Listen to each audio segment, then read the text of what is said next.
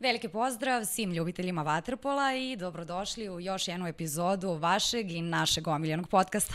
Mi smo se kao domaćini potrudili da i sada dovedemo igrača koji nas je zadužio velikim rezultatima i igračkim ostvarenjima.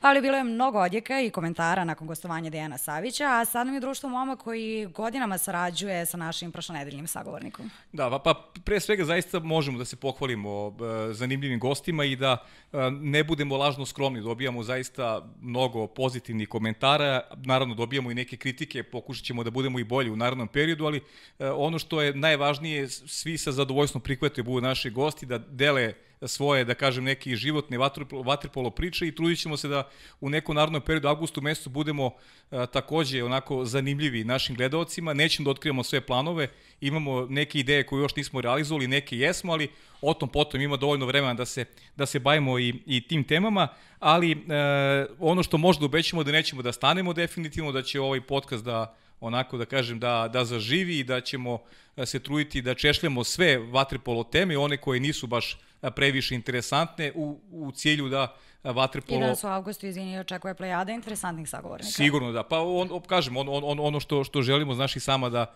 da, da vaterpolo dobije zaslužen tretman da, kažem, u medijima, u javnosti, onako kako zaslužuje ne samo ova generacija, već kroz istoriju vaterpolo je najtrofejniji sport ovde i mislim da, da nema dilema oko toga šta je naš cilj u nekom narodnom periodu. U svakom slučaju, ono što smo navikli, što je publika naučila, tebi prepuštam da ovaj, predstaviš naše goste. Najavili smo ga već putem Instagrama i stigla su i brojna pitanja za njega. On je jedan od dvojice višegodišnjih golmana reprezentacije Srbije. Ne treba mnogo dužiti, sa nama je Gojko Pjetlović. Zdravo Gojko, dobrodošao u naš studio na kraju univerzuma. Kako ti se čini ovde? Pa pre svega dobar dan, hvala što ste me pozvali. Ovaj, mislim da je emisija, ono što sam ja video do sada, dosta ovaj, zanimljiva. Pitanja su onako nesvakidašnja i ne bave se isključivo temom Waterpola.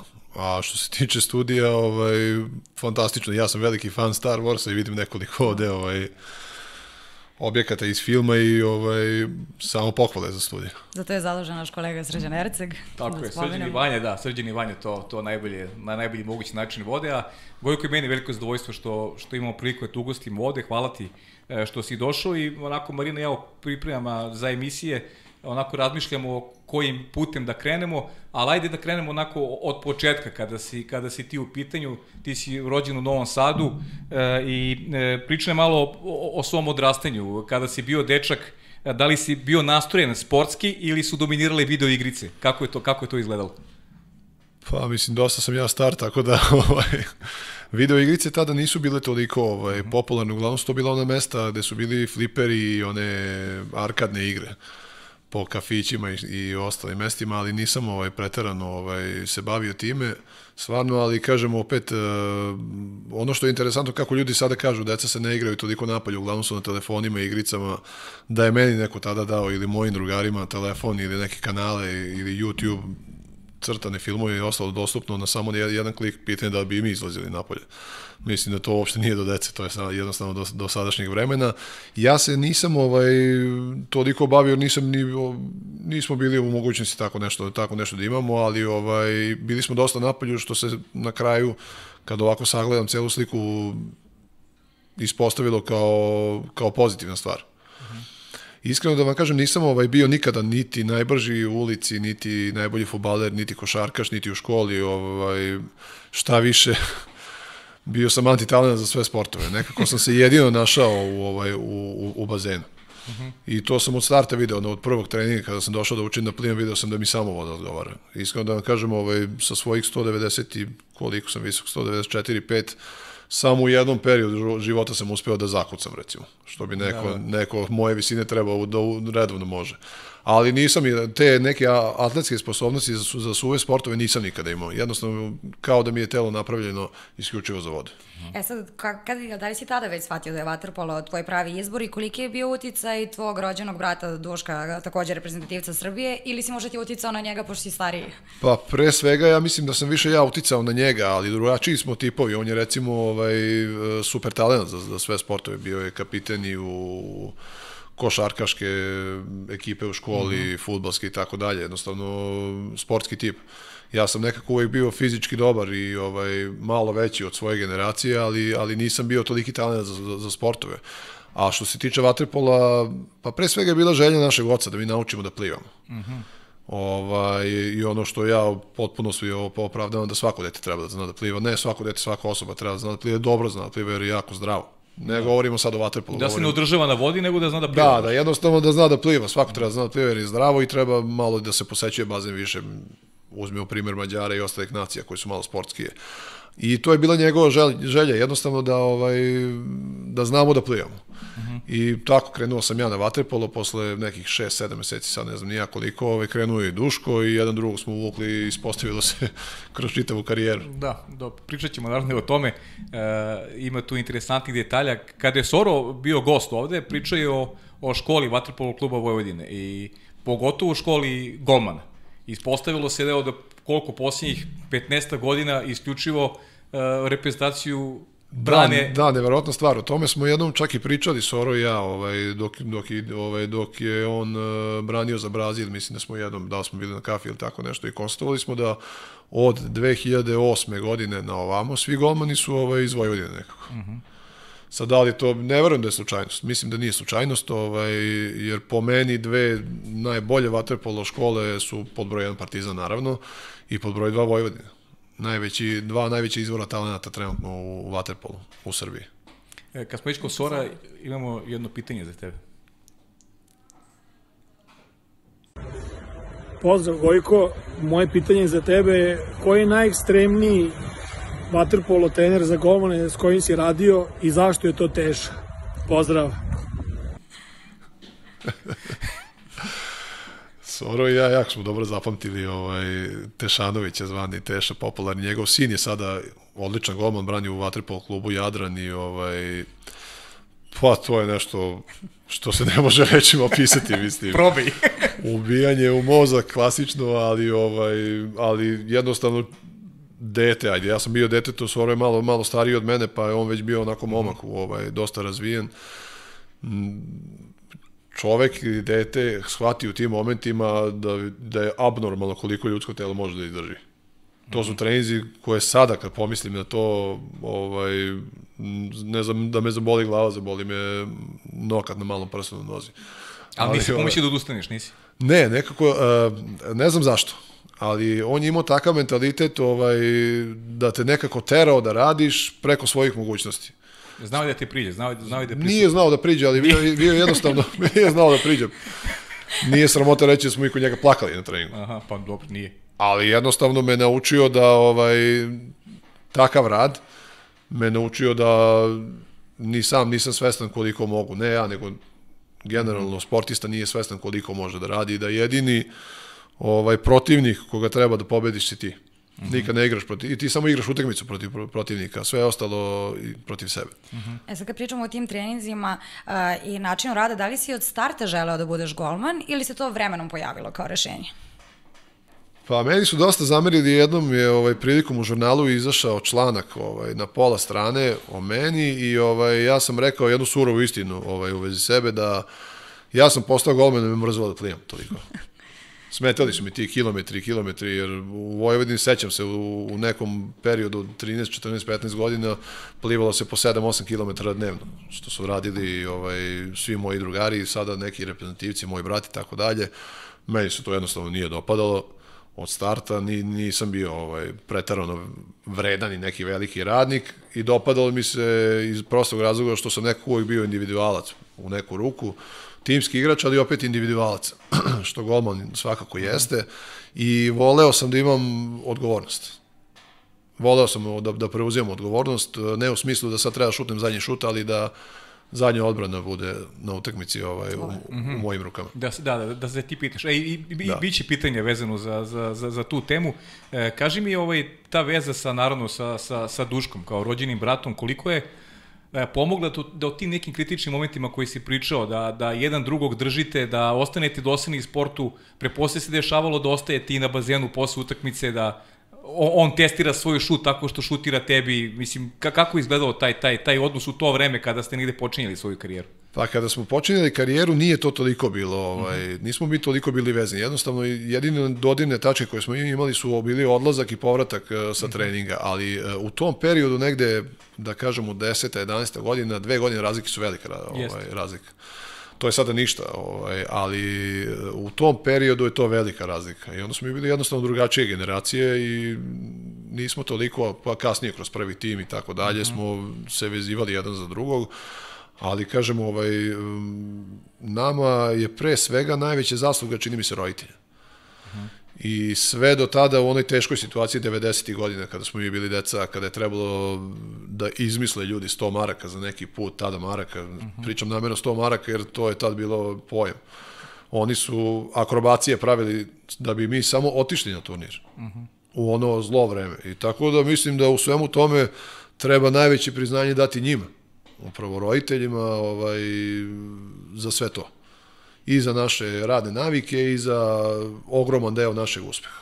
E sad, to znači da ste tada sanjali i maštali o tome da jednog dana možda zajedno igrate u reprezentaciji ili tad još nije bio taj period? Pa nije bio period, jednostavno meni se Waterpolo dopao pre svega što sam gledao prvi, prvo timce, gledao sam reprezentaciju, dopadalo mi se kako se oni ponašaju, kakav ugled imaju u društvu i kako izgledaju. Uh mhm. -huh. I ovaj, mislim da pogrešno shvatite, ali ne, ne, nekako ja, su, bili, su bili super, devojke su ih volele. Da, da. I ovaj, ja rekao, meni je to bilo super. Plus što je voda, što je ono što meni odgovara i nisam nikada, pravo da vam kažem u početku, To je pitanje sad ko, to zavisi od deteta do deteta. Nisam razmišljao u tom pravcu nekih ovaj, reprezentacija, medalja uh -huh. i tako dalje. Jednostavno, hteo sam da budem ovaj, pre svega zdrav, da naučim dobro da plivam i ovaj, dopadala mi se cela ta slika o vaterpolistima u, u, i u javnosti i u društvu.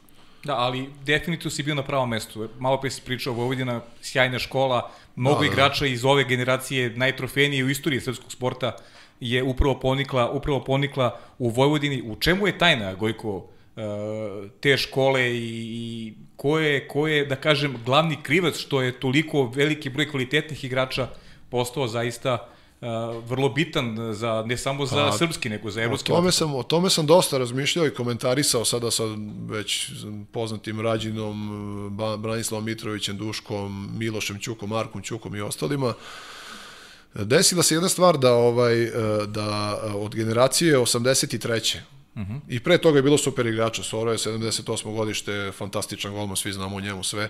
Ovaj, ali desilo se da od generacije 83. pa na ovamo je postojao jedan trener koji se zvao Slobodan Pavkov koji je imao tu neku harizmu i taj neki pristup deci da su njega deca obožavala, bojala su ga se, a opet svi su trenirali, trenirali redovno. I nekako je pisao minuse, meni recimo nije dao da branim protiv Bečeja, kada je, kada je bio trener prvog tima, nije mi dao dve, dve četvrtine da branim, zašto sam imao keca iz engleskog, dok ga nisam popravio, nisam mogao da branim. Tako neki pristup imao, svi su ga voleli. I ovaj, trenirao je generaciju 85 iz koje su, pazite sad, uh, sad ulazim malo onako, ovaj, raz, razvodnjavam temu, ali kada u jednoj generaciji imate jednog reprezentativca, znači jedno godište jedan reprezentativac, to je odlično, to je dobro. Napravili smo igrača za reprezentaciju koji će da, ovaj, da se uklopi. Kada imamo dva, to je super generacija, to je odlično tri, kada imamo u državi igrača u, u, u reprezentaciji iz, jedne, iz jednog godišta, to je ekstra generacija. To je neponovljivo. E sad mi, i sad mi imamo, u jednom momentu smo imali tri reprezentativca iz istog kluba, iz iste generacije. To su Rađen, Mitrović i Duško. Branislav Mitrović. Branislav Mitrović, da. Što je ja sad ne znam dalje istoriju, to biste morali Dejana Savića da pitate, on ima te podatke u glavi, ali ja ne znam da li se to ponovilo. Da iz jedne, jednog godišta, iz jedne godine rođeni iz istog kluba budu I ta generacija, recimo 85. je, je ovaj, e, osvajala prvenstva i tako dalje. Prvi put je imala Vojvodina neku generaciju koja tako, tako do, dominira. Pa se na kraju, oni su se nama priključili sa 83. Misti taj trener preuzeo našu generaciju. Jednostavno isplivala je ovaj grupa ljudi, recimo 5 6 7 ovaj igrača koji su uh, interesantni bili uh, uh, tada Nenadu Manojloviću. Uh mhm. -huh. koji je preuzimao ulogu selektora Jugoslavije tada i ovaj i došao je u, u, u, u klub uh, trener Nenad uh, Vasilevski. Kole. Popularni Kole, da koji je, sad ja se ne sećam tog perioda, nisam tada bio u upravi, ali je sa zadatkom došao tu da razvije igrača. I odjednom je iz Vojvodine ispalo nekih 5-6 igrača koji su, eto, na kasnije ispostavilo se ovaj, i reprezentativci i vrhunski igrači. Nije to samo reprezentativci, da, da se ne ograničimo na to. Ima pa tu da, dosta... Vapenski, dosta, recimo, ima tu ima igrača. Ima tu Vapenski, da. Marko Ćuh, Srđan Vuksanović, Srđan Vuksanović itd. Da. itd. Da, da sad nekog ne uredim, da, da sam ga zaboravio, ali dosta igrača. Ovaj, I od tada, od tog perioda pa nadalje, Vojvodina postaje ozbiljna vaterpolo škola. Ima i naravno i pre toga, kao što sam rekao, Slobodan Soro koji znate, znamo svi sami kakav golman i koliko je dugo i dalje traje. Tako da, ovaj, ali od te generacije nekako kreće sve. Onako. E, napravit ćemo digresiju, Marina. Mm -hmm. kakav danas odnos imaš prema Vojvodini, s obzirom da si odavno otišao? Ja ovaj, e, dugo nisam ovaj, bio upetljen u klub, jer jednostavno moje profesionalne obaveze i godine mi nisu dozvoljavale da se ozbiljnije bavim tim, ali sada je Vojvodina ovaj, Malo smo jaču ulogu pre, preuzeli Duško, Aha, tako. Duško ja, uh -huh. Miloš Ćuk i Branislav Mitrović. I ušli, ušli smo i u skupštinu kluba i čak i Marko Ćuk, sada generalni direktor kluba, došlo je do određenih promena. Klub je malo bio, u, u mislim, bio i dalje u finansijskoj krizi, uh -huh. koji su sad kako i šta nećemo da ulazimo u to okay. ovaj, koja je napravljena, ali mi polako izlazimo iz te krize i stabilizujemo klub. I pomažemo ovaj, kako svojim uticajem poznanstvima, tako i znanjem ovaj, klubu redovno. I te kako smo upetljali, upetljani, ali nije to baš, ni, nismo, nemamo funkcije i nismo apsolutno u tome. Jedan doći će dan, ja se nadam, kada ćemo mi pozavršavati karijere i biti apsolutno ovaj, umešani u Vaterpolo klub i mislim da će tada i, ovaj, i, da, i da krene priča mnogo ozbiljnije. Evo, o tome ćemo isto tek e, pričati. Vratit ćemo se u 2000-tu, tada si sa bratom debitovao za Vojvodinu, a dve godine kasnije ste zajedno prešli u Partizan. Pa ispravka, ja sam debitovao 99. 9. ali je bombardovanje tada, ovaj, uh -huh. završila se sezona zbog bombardovanja, tako da ja sam tu malo ranije, ranije. Ovaj, ali du, generalno prva sezona da smo obojica onako nastupili je 2000. Odigrali smo dve, dve sezone ovaj, u Vojvodini, To je bila ekipa sastavljena od momaka 17, 18, 16 godina, nekoliko super talenata tada ovaj, koji su pretendovali da idu dalje. I ovaj, što se desilo 2002. 2001. je otišao Marko Ćuk u Partizan, 2002. Duško ja i, i Rađe. Stižete u redove crno da, da, da. Da, a kaži mi, kako je prošla ta adaptacija na Beograd? Preposljedno da je tu opet bilo lakše jer si imao Duška u sebe. Pa imali smo, ovaj, mi smo imali, ovaj, imao sam i Duška i Rađina. I Duška i Rađina, Nas da. trojica smo u paketu došli ovaj, iz, uh mhm. -huh. iz Vojvodine i ovaj, I bilo nam je lakše, pošto, pošto smo trojica, čak smo u jednom periodu i zajedno živjeli. Uh mhm. -huh. Ova, I o, to je uvek dobro kad imate nekoga pored sebe. Jeste tada malo je sa finansijske strane bilo teško jer Partizanu u tom momentu Ovaj, ima prvo, došli smo u avgustu u Beograd, prvu platu smo primili u novembru, sledeću u februaru. I onda je to malo bilo ovaj, to malo bilo napeto, ali dobro, to se sve preživi kad si klinac. Više znači na maminu iskreno je bilo nego Pa nema na mamine iskreno, mislim. nema. Imali smo, mislim, imali smo situacije tada, ali nekako kad si mlad sve to preguraš. Imali smo situaciju recimo da restoran u, ovaj, na stadionu gde smo se hranili radi do 9, nama trening traje do, do 9 i onda nam ostave neke sendviče, nešto mi to pokupimo posle. Čisto da pojedemo. A da. se u restoranu u Humskoj? Tamo da, da, da, tamo smo se hranili. Ovaj, mislim, to je bilo super. Mi, jedan period uh, adaptacije na Beograd koji nije bio nešto sad specijalno strašno. Ja to nisam vidio kao ništa tragično. Meni je jedino u Beogradu bilo ovaj, sad je smešno o tome govoriti, ali ovaj, znam da su me ljudi non stop užurivali. Aha. Ja sam iz Novog Sada i navikao sam lagano. Sećam se prvi moj odlazak u Knez Mihajlovu, ja sam mislio da sam u stazi Formule 1. ne znam gde ljudi žure, imam vremena. Onda sam te kasnije, kad sam ušao u obaveze, malo upoznao grad, shvatio zašto žure. I da prelaziš ulicu na zelenu ili... Postoji razlog, da, da. da. Viš ti 80 km kako malo zvuči, a, a u stvari postoji ta neka razlika pa, da, u načinu postoji, života. Postoji razlika u načinu života. Ja sam ovaj nešto, tre, i dalje sam nešto između Novog Sada. Tako. Da, I dalje nisam ovaj, toliko ovaj, brz koliko bi voleo da budem. e sad da se vratimo za da na Partizan i na, da li si znao tada da te čeka mesto među stativama ili je to bio ključni period da se dokažeš kako sebi, tako i široj vaterpolo javnosti? Pa nije, meni je jednostavno, ovaj, znao sam da je Partizan ovaj, dobra vaterpolo, ne dobro, najbolja vaterpolo škola u Srbiji I, ovaj, i, i hteo sam da dođem da se dokažem. Da dokažem i sebi i svima da mogu da, da postižem velike stvari. Ovaj, nije mi garantovano ništa bilo. Jednostavno imao sam Nemanju Marijana tada koji je bio u najboljim godinama ovaj, na golu ispred sebe i ovaj, na polu se negde na polu sezoni posle recimo 5 meseci, 4 meseca sam ovaj ja stao na go, ali kažemo je stav, tako mi se jednostavno otvorilo, ali kažem došao sam da se borim. Nisam, I da se ubrzaš. I da se ubrzam, da. Pa dobro, izborio si se lepo. Evo gledamo neki pa, da. period, neki, neki period iz iz predana, ne znam tačno šta je, ali, ali moram da kažem, ajde, zahvaljujući kolegama Andriju Čukiću i Miroslavu Todoroviću imamo priliku da iz nedelju i nedelju gledamo fotografije E, na kome su naravno glavni akteri e, naši gosti. E, u Partizanu si igrao sa, sa velikim igračima, osvojio si dva nacionalna prvenstva, ali je, neko ekipa je bila mlada za neki iskorak na, na međunarodnoj sceni. Da, desilo se nešto nevjerojatno ovaj, u Partizanu. Posle pr prva godina kada sam došao, imali smo odličnu ekipu. Uh -huh. Sin, to je bila manje više kao sada reprezentacija. Aj, podsjeti ko, ko, ko, ko je to? Po Gocić, Udovičić, Nikić, Korolija, Duško Rađen, ja... Miloš, Miloš Korolija. Miloš Korolija, da. Uh, bio je tada Slavko Gak, bio je Milan Tičić, dosta dobrih imena, mm. jakih imena. Sad da ne znam, da nekoga ću zaboraviti pa, sigurno i uvredit će se, ali uglavnom iz te ekipe sada bi 6-7 reprezentativaca, ozbiljnih reprezentativaca. I, ovaj, I više u stvari. I više, da. Slagaću, i više. I ovaj, došao sam među velike igrače tada za mene. Međutim, ovaj, iz te ekipe devet ljudi je otišlo posle te, zbog finansijskih situacija, mm -hmm. devet igrača je otišlo. Ostali smo za sledeću godinu Filip Filipović koji je tada imao koliko, 16 godina, ja ja 20 i Miloš Koroli je bio najstariji ko, ovaj, čovek u ekipi koji je imao 22 godine i kapitan ekipe. Uh -huh. I ta ekipa mlada je postigla nevjerojatnu stvar, pasirali smo se u Ligu šampiona što je bilo fa, ono, fascinantno u to vreme, jer smo igrali protiv, kvalifikacije smo igrali protiv uh, Vašaša u kome su tada igrali Tamaš Varga, Tamaš Kašaš, Um, mislim da je Koš tada legendarni branio, Daniel Varga je igrao, mislim, neka ogromna imena, Madaraš je igrao tada, Madaraš, Madaraš je igrao, Vindiš i tako, sjajne neka imena. Mi smo s njima i izgubili na produžetke.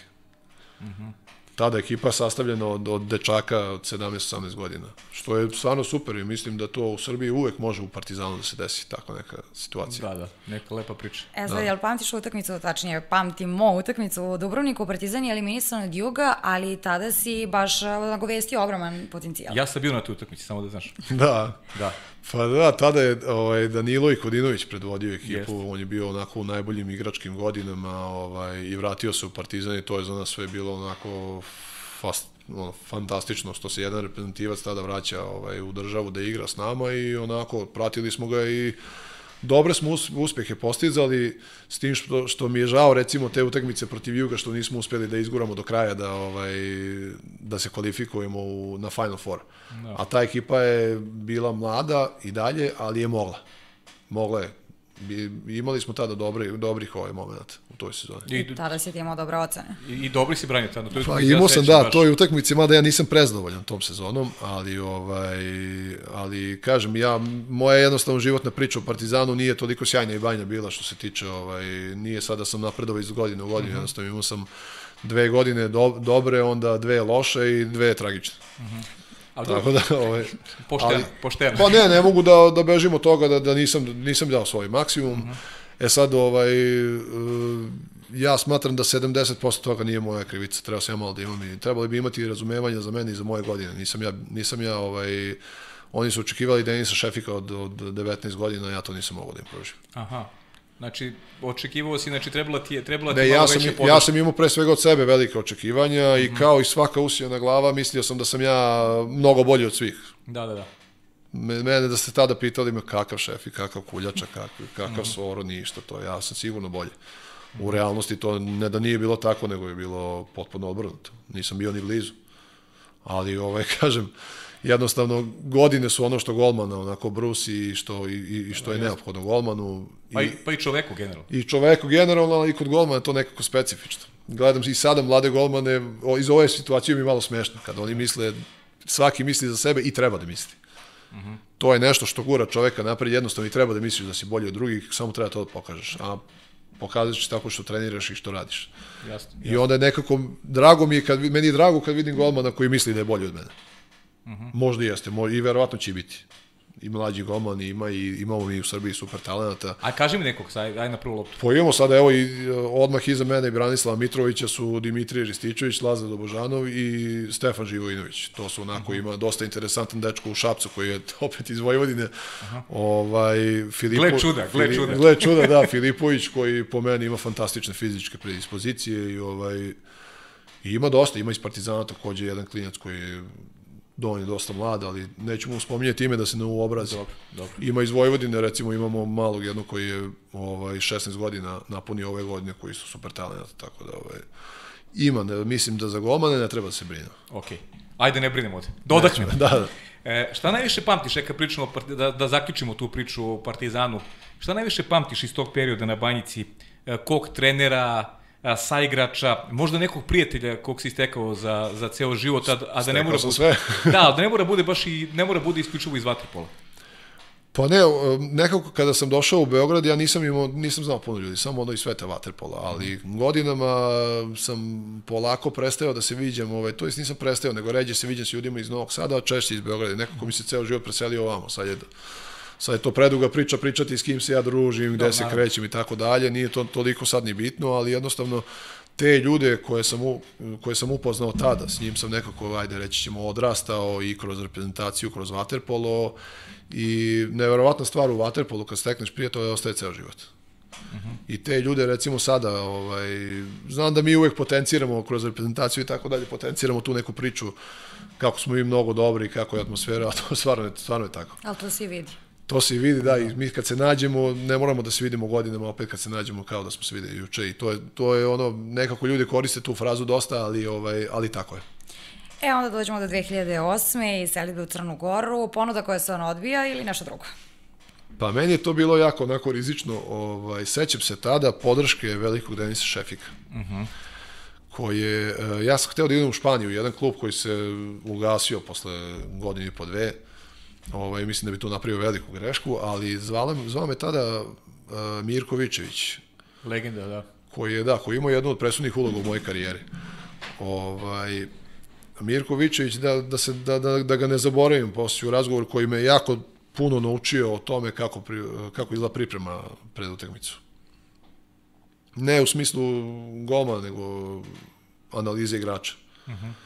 Dosta sam naučio od njega, ali ovaj trenirali su me i mnogo veći treneri, mnogo veći ovaj i sada i dalje učim. Tada sam prvi put video neku ozbiljniju pripremu za utakmicu, za neko finale i tako dalje. -hmm. Što se videlo, naravno, to, taj Kataro, ta Vaterpol Akademija Kataro je meni bila odskočna daska. I sećam se dobro Denisa Šefika koji mi je rekao, idi tamo, ti ćeš tamo pokazati svima da, su, da, da nisu pravo. Mm -hmm. Jer tada sam bio, u 2008. je bila moja sigurno najgore godina, ovaj, što se tiče karijere. Čak u jednom momentu sam i ono, teo dignem ruke od svega. Je li tako?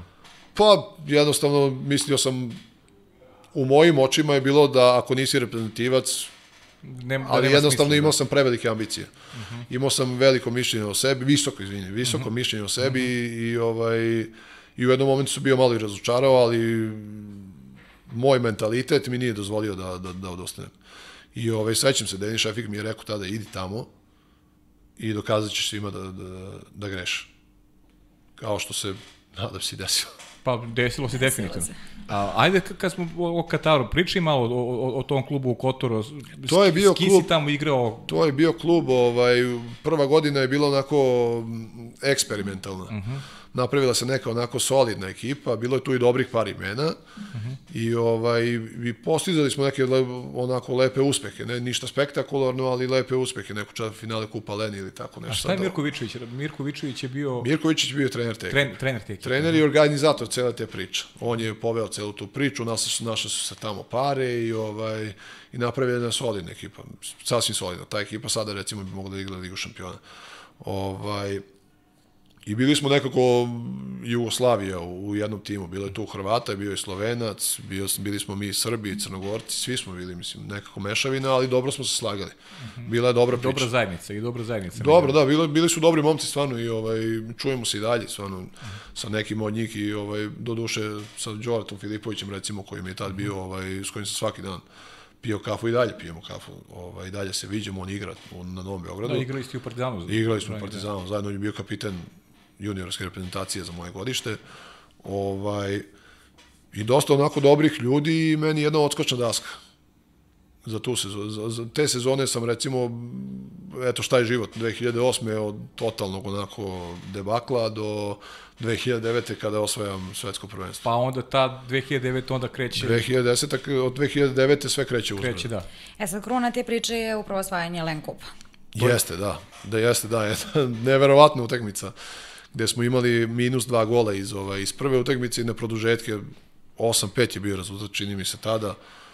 Neka abnormalna odbrana koju smo mi tada igrali, samo pet golova smo primili i Đole Filipović koji je briljirao sa zadnja tri gola i osvajamo taj Len Kup, famozni. Bilo je to nevjerojatno, to su nevjerojatne godine u Crnoj Gori tada bile. Tad je cela država ovaj, živela za vaterpolo. Jednostavno, Primorac je osvojio ligu šampiona, Jadran je bio ništa lošija, možda čak i bolja ekipa tada od Primorca. Mi ko, koji smo bili osvajači, ovaj, Budva, fantastična, mi koji smo bili osvajači Kupa Len, krajnje ozbiljna ekipa, ovaj, smo bili četvrti u ligi. Da, da, da. Jak. Eto, koliko je to bila ozbiljna Jest, priča tada. jest, jest. A sedmi, recimo, u Jadranskoj ligi, koliko je Jadranska bila, liga bila jaka tada. Pa koliko je, koliko je region bio u tom momentu? Da, da, da. jak? Bilo je, Vaterpolo je bio tada u Crnoj Gori ovaj, na izuzetnom nivou, stvarno, u odnosu na Srbiju, a mada je Partizan i dalje bio ovaj, u tom rangu jači. Uh -huh, uh -huh. Partizan je tada jedina ekipa bio u Srbiji koji je mogao da parira cr crnogorskim ekipama i da ih pobedi. Da. Ali, ovaj, ali tada je Crnogora imala četiri jake ekipe i to su sigurno zlatne godine crnogorskog vaterpola i meni je drago što sam u tom periodu bio tamo jer mi je mnogo značilo kroz karijeru. Uh -huh. A kaži mi šta se dogodilo na kraju? Kada se očekivalo da možda klub napravi još veći iskorak, jednostavno nestao se scena. Pa, ajde, Hoće da priča o tome? pa, ajde kažemo da je izgubio život glavni sponsor. Aha. Nećemo da pričamo. Da, do, da, da, da, da, da, do, Onda ćemo, ostaćemo u Crnoj Gori, Da. ali promenit ćemo temu. Godinu dana si proveo u Budvi. Nisam. Nisi. Ne znam Nije. zašto vidim, ovaj, uh, dosta me novina razvalo i fan, fascinantno je da ljudi prave tu grešku. Ja sam sa Budom imao, imao neki dogovor i, ovaj, i imao sam dogovor da ovaj, uh, ne želim da smetam Denisu Šefiku. Mm -hmm. Ako Denis Šefik ostaje, ja, ne, ja neću da, da dolazim, pre svega pod broj ja neću da budem drugi golman, a ne, to je pod broj dva. Pod broj jedan je bio moj odnos prema Denisu Šefiku i moje mišljenje o Denisu Šefiku tada. Mm -hmm. Zato, on je meni uvek bio nekako veličina i ovaj i ni- nisam ni u kom slučaju hteo da da mu da mu smetam. I na, onda smo po, ovaj potpisali papir gde se ako Denis Šefik ostaje ja ne ja ne ostajem. Aha. I ovaj neki kao predugovor. Tako nešto. Gde je, gde je tada bilo i garancija da će oni meni isplatiti određene pare ako ako Denis Šefik ostaje. Naravno, niko ništa nije se vidi ništa posle. Ovaj, ali dobro, nije to ni, to- ni toliko bitno. Pa dobro, ali da, znaš da se vodiš kroz... kroz Ne znam, kroz vidim da E, e, evidentiran si kao, Evidentiran kao, sam kao, kao igrač Budvanske igrač- rivijere, znaš. kao igrač Budvanske rivijere, što mislim, ja nisam ni jedan Ni dan... jednu utakmicu nisi Ma Ne, branio. nisam se pojavio u. Dobro, onda da pređemo na Crvenu zvezdu, to si bio. U Zvezdi si bio. U Zvezdi, da, jedno, dve fantastične godine u Zvezdi. Mm Mhm. -hmm. Ovaj, tada kad se to desilo sa Budvom, ja sam 29. augusta mi je saopšteno da nemam klub. Da, da, da. da. Što je u, u Waterpolo krugovima 29. jula je kasno, a 29. august je već zatvorena cela priča. Sva sreća, pa je u Zvezdi, Zvezdi i dalje trebao golman. I ovaj, došao sam u Zvezdu. Mm, mislim da je to bila prava stvar tada za mene. Ovaj, jer sam se najzad, najzad sam bio onako, ne najzad, ali bio sam u Beogradu, tada mi se i rodio sin i ovaj, bilo mi je jako bitno da budemo svi zajedno. I onako, dve fantastične godine u Zvezdi. Druge sezone sam čak i bio kapiten i ovaj, imali smo jako lepu, jako lepu mladu ekipu, jako dobru priču. To je bila eh, prva godina Dejana Savića kao trenera. To sam baš to ti pitao. I on je tada bio onako pun entuzijazma i ovaj i stvarno smo funkcionisali fantastično. Tada ta ekipa. I to, ti, to je prvi susret tvoj u stvari sa, sa Dijanom Savićem kao... Pa kao trenerom, Kao trenerom, da, Kao, kao trenerom, da. I imali smo jako, i on i ja od tada imamo, ovaj, jako se dobro razumemo i jako mm. dobro funkcionišemo. Znamo tačno ko, šta koji radi i kako da se ponašamo jedan prema drugom. E sad, brzo ste nakon toga, jesi htio još nešto? Ne, ne, ne, samo, samo pitam. Brzo ste se nakon toga rastali, otišao si u Ferenc Varoš, po čemu pamtiš taj period? Ferenc Varoš, opet neka loša priča, napravljena je dobra ekipa, za prvih pet, nije pet, ali da kažem prvih pet, šest mesta u ligi i ovaj, međutim, e, došlo je do nekog raskola upravi, što ja stvarno ne znam ni mađarski, nisam ni poznao toliko taj klub, ali u nekom negde u novembru je od jednom pola igrača otišlo, nek, se napravio neki jaz, ja sam trebao, trebao da se vratim u Kragujevac, ali ovaj, ali je to stopirano. Ovaj, I onda u, ne mogu da kažem da mi je to baš najsrećnije godine. Na kraju mi Ferenc Varoš ispao stvarno korektan prema meni i tada mm -hmm. ovaj, isplatili su me, ja sam nekako smo funkcionisali, ja sam trenirao u Beogradu i išao tamo na utakmice i svake nedelje sam prelazio po 800 km tamo i nazad ovaj, da bi igrao ovaj, utakmice, da bi ostao u ritmu zbog reprezentacije, inače da nije bilo toga, vjerojatno bi raskinuli ugovor, ali hteo sam da ostanem u ritmu zbog reprezentacije. Da, Ferenc Varoš definitivno tada nije bio klub kao danas, jako su oni najpopularnija sportska sekcija u Mađarskoj. Nije ali, blizu, nije da, blizu. ali znaš šta možda ispričaš kao, kao neko ko, ko je bio onako svedok, uh, svedok, uh, igrao si u Mađarskoj, uh, priča o uslovi u Mađarskoj, da malo ispričaš kakav status imaju igrači i to verovatno nešto što treba, što treba doživjeti. Pa to prvo, pod broj jedan, Mađari su fascinantni što su sportska nacija. Uh -huh. Za mene sportska nacija nije nacija koja osvoja bezbroj medalja na, na takmičenjima, za mene na, sportska nacija je ona koja vole da se bavi sportom i koja ceni sportiste. I ovaj, vi sad kad tamo odete recimo na taj popularni Margit Cigete, vi ćete vidjeti svako jutro prepune trkačke staze i, ovaj, i vežbališta ona gde, na, u parkovima i tako dalje, prepunih ljudi svih generacija. Čak je bio neki podatak, sad ne bi da ispadne smešan, ali neki podatak da se tipa 75-85% nacije rekreativno ili profesionalno bavi sportom.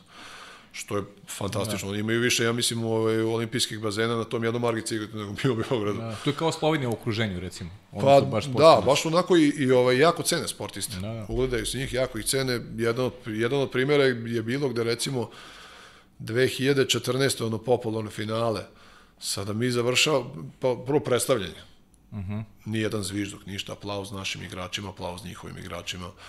Zatim posle utakmice gde su oni, oni doživjeli, ajde kažemo, debakl, izgubili su pet razlike, ovaj, potpuni aplauz sa tribina, onako respekt prema igračima kao sportistima i kao ličnostima. Uh -huh. E to je ono što mi se najviše dopalo. Uh -huh. I da ne pričamo o sistemu finansiranja sporta i o, o uslovima u kojim sportista, sportisti treniraju. To je nešto... Raj. Pa raj, ja bih voleo da mi jednog dana dođemo bar približno na, to, na taj nivo. Makar pola, makar pola. Da, da dođemo do toga i bilo bi fantastično. A kada je Rumunija u pitanju, sledi jedna zanimljiva epoha, pet godina si proveo u Radeji. Šest. Šest. Šest. Šest. U zadnjih sedam godina jednu sam ove godine nisam pa bio. Pa da, da, ali u pet, petu kontinuitetu petu, se Da, petu u kontinuitetu, kontinuitetu pa još i jedna u Šapcu, pa još pa, jedna. Da, da, da. Pa u Rumuniji ja sam se iznenadio, recimo oni imaju neverovatan potencijal. Mm -hmm. Oni isto imaju uslove, ovaj ništa lošije, mislim što se tiče vaterpola, ovaj od Mađara. Pa Oradea je negdje geografski, oni su oni su Ma, oni su blizu, na granici, Oradea je grad koji je na 15 km od granice mm -hmm. s mhm. Mađarskom i ovaj ne Oradea, govorim i Tako je, da, da. Tamo svaka svaka ekipa ima svoj bazen. Mm -hmm. Dinamo, Steaua, uh, Arad, Temišvar, Kluž, za Temišvar nisam siguran, ali znam za Kluž i tako dalje. Mm -hmm Oni svi imaju svoje bazene na raspolaganju apsolutno 24 časa. I imaju dosta dece ovaj, koje se bave, ali jednostavno mm, Oradea koji ima fantastične uslove za, za, za sportistu, stvarno raj na zemlji. Jedan grad onako srednje veličine, nekih 200.000 ljudi, tako ne možda jače, ovaj, studentski grad, ovaj, da ima dosta univerziteta i svega. I, Podsećate ovaj, na, na, na Novi Sad, priznaj, ja? Pa više na Suboticu. Više na Suboticu, a? Više na Suboticu, mm -hmm. da. Ovaj, ali je onako za sportistu fantastični uslovi. Sve je blizu, ne gubi se vremena saobraćaja i na neke druge stvari. Pre svega jedan grad bez kriminala gde je za porodicu fantastično imaju mnogo parkova, akvapark, imaju internacionalni aerodrom i tako dalje. Jedna super priča koja je mene malo reći iznenadila. Uh -huh. Jer nije mi bila ta ni ta rumunska liga toliko ovaj, toliko poznata, a ni uslovi u Radeji. Kako si reagovao na prvo slušanje, kao imaš ponudu u Radeji i si... Pa ne, prvo je nazvao me neki posrednik, neki e, čovek koji je, sad se ja njega ne sećam, mislim da je Hrvat iz, ovaj, iz Španije, jer ta, ta trener nije dobro pričao engleski. Uh. -huh. I onda me nazvao i ja rekao, pa dobro, šta do Radeja, ja sam hteo nešto malo bolje, neku ligu šampiona da, da igram, što se na kraju ispostavio da sam stvarno igrao, ali sa Oradejom. Sa Oradejom. Ovaj, I nazvao me trener, dali su dobre finansijske uslove, Pa meni je tad bilo najbitnije da, da, da ima neka redovne primanja posle Ferenc Varoš i da ima neku onako bazu gde mogu da treniram normalno. Mm -hmm. Na sve što sam ovaj sve što sam želeo su ispunili i naišao sam na onako raširene ruke i sve uslove koje sam mogao da poželim. Što se na kraju i ovaj ispostavilo kao pravi potez jer ta 2013. 14. godine možda i što se tiče forme jedna od najboljih u mojoj karijeri. Nešto me zanima, uh E, neko poređenje sa, sa, sa treninzima, načinom rada, uslovima. Ja se sećam e, da su, da su Rumuni e, znali da budu vrlo nezgodan rival srpskoj reprezentaciji. Pa pamtim neke utakmice važne, četvrtfinalne ili, ili osmini finala gde, gde je Srbija pobeđivala samo golom razlike. Nekako su Rumuni, ovaj, oni su meni pričali ovaj, kada sam došao tamo pa sam mm -hmm. malo ušao u materiju tog rumunskog vaterpola, koji nije sad nešto sjajno. Da se razumemo, nije to ni Mađarska, ni Španija, ni Italija, ni Srbija, daleko od svega toga. Ali, ovaj, ali kažu da je jedina reprezentacija koju oni nisu pobedili u godinama nazad je Srbija. Srbija.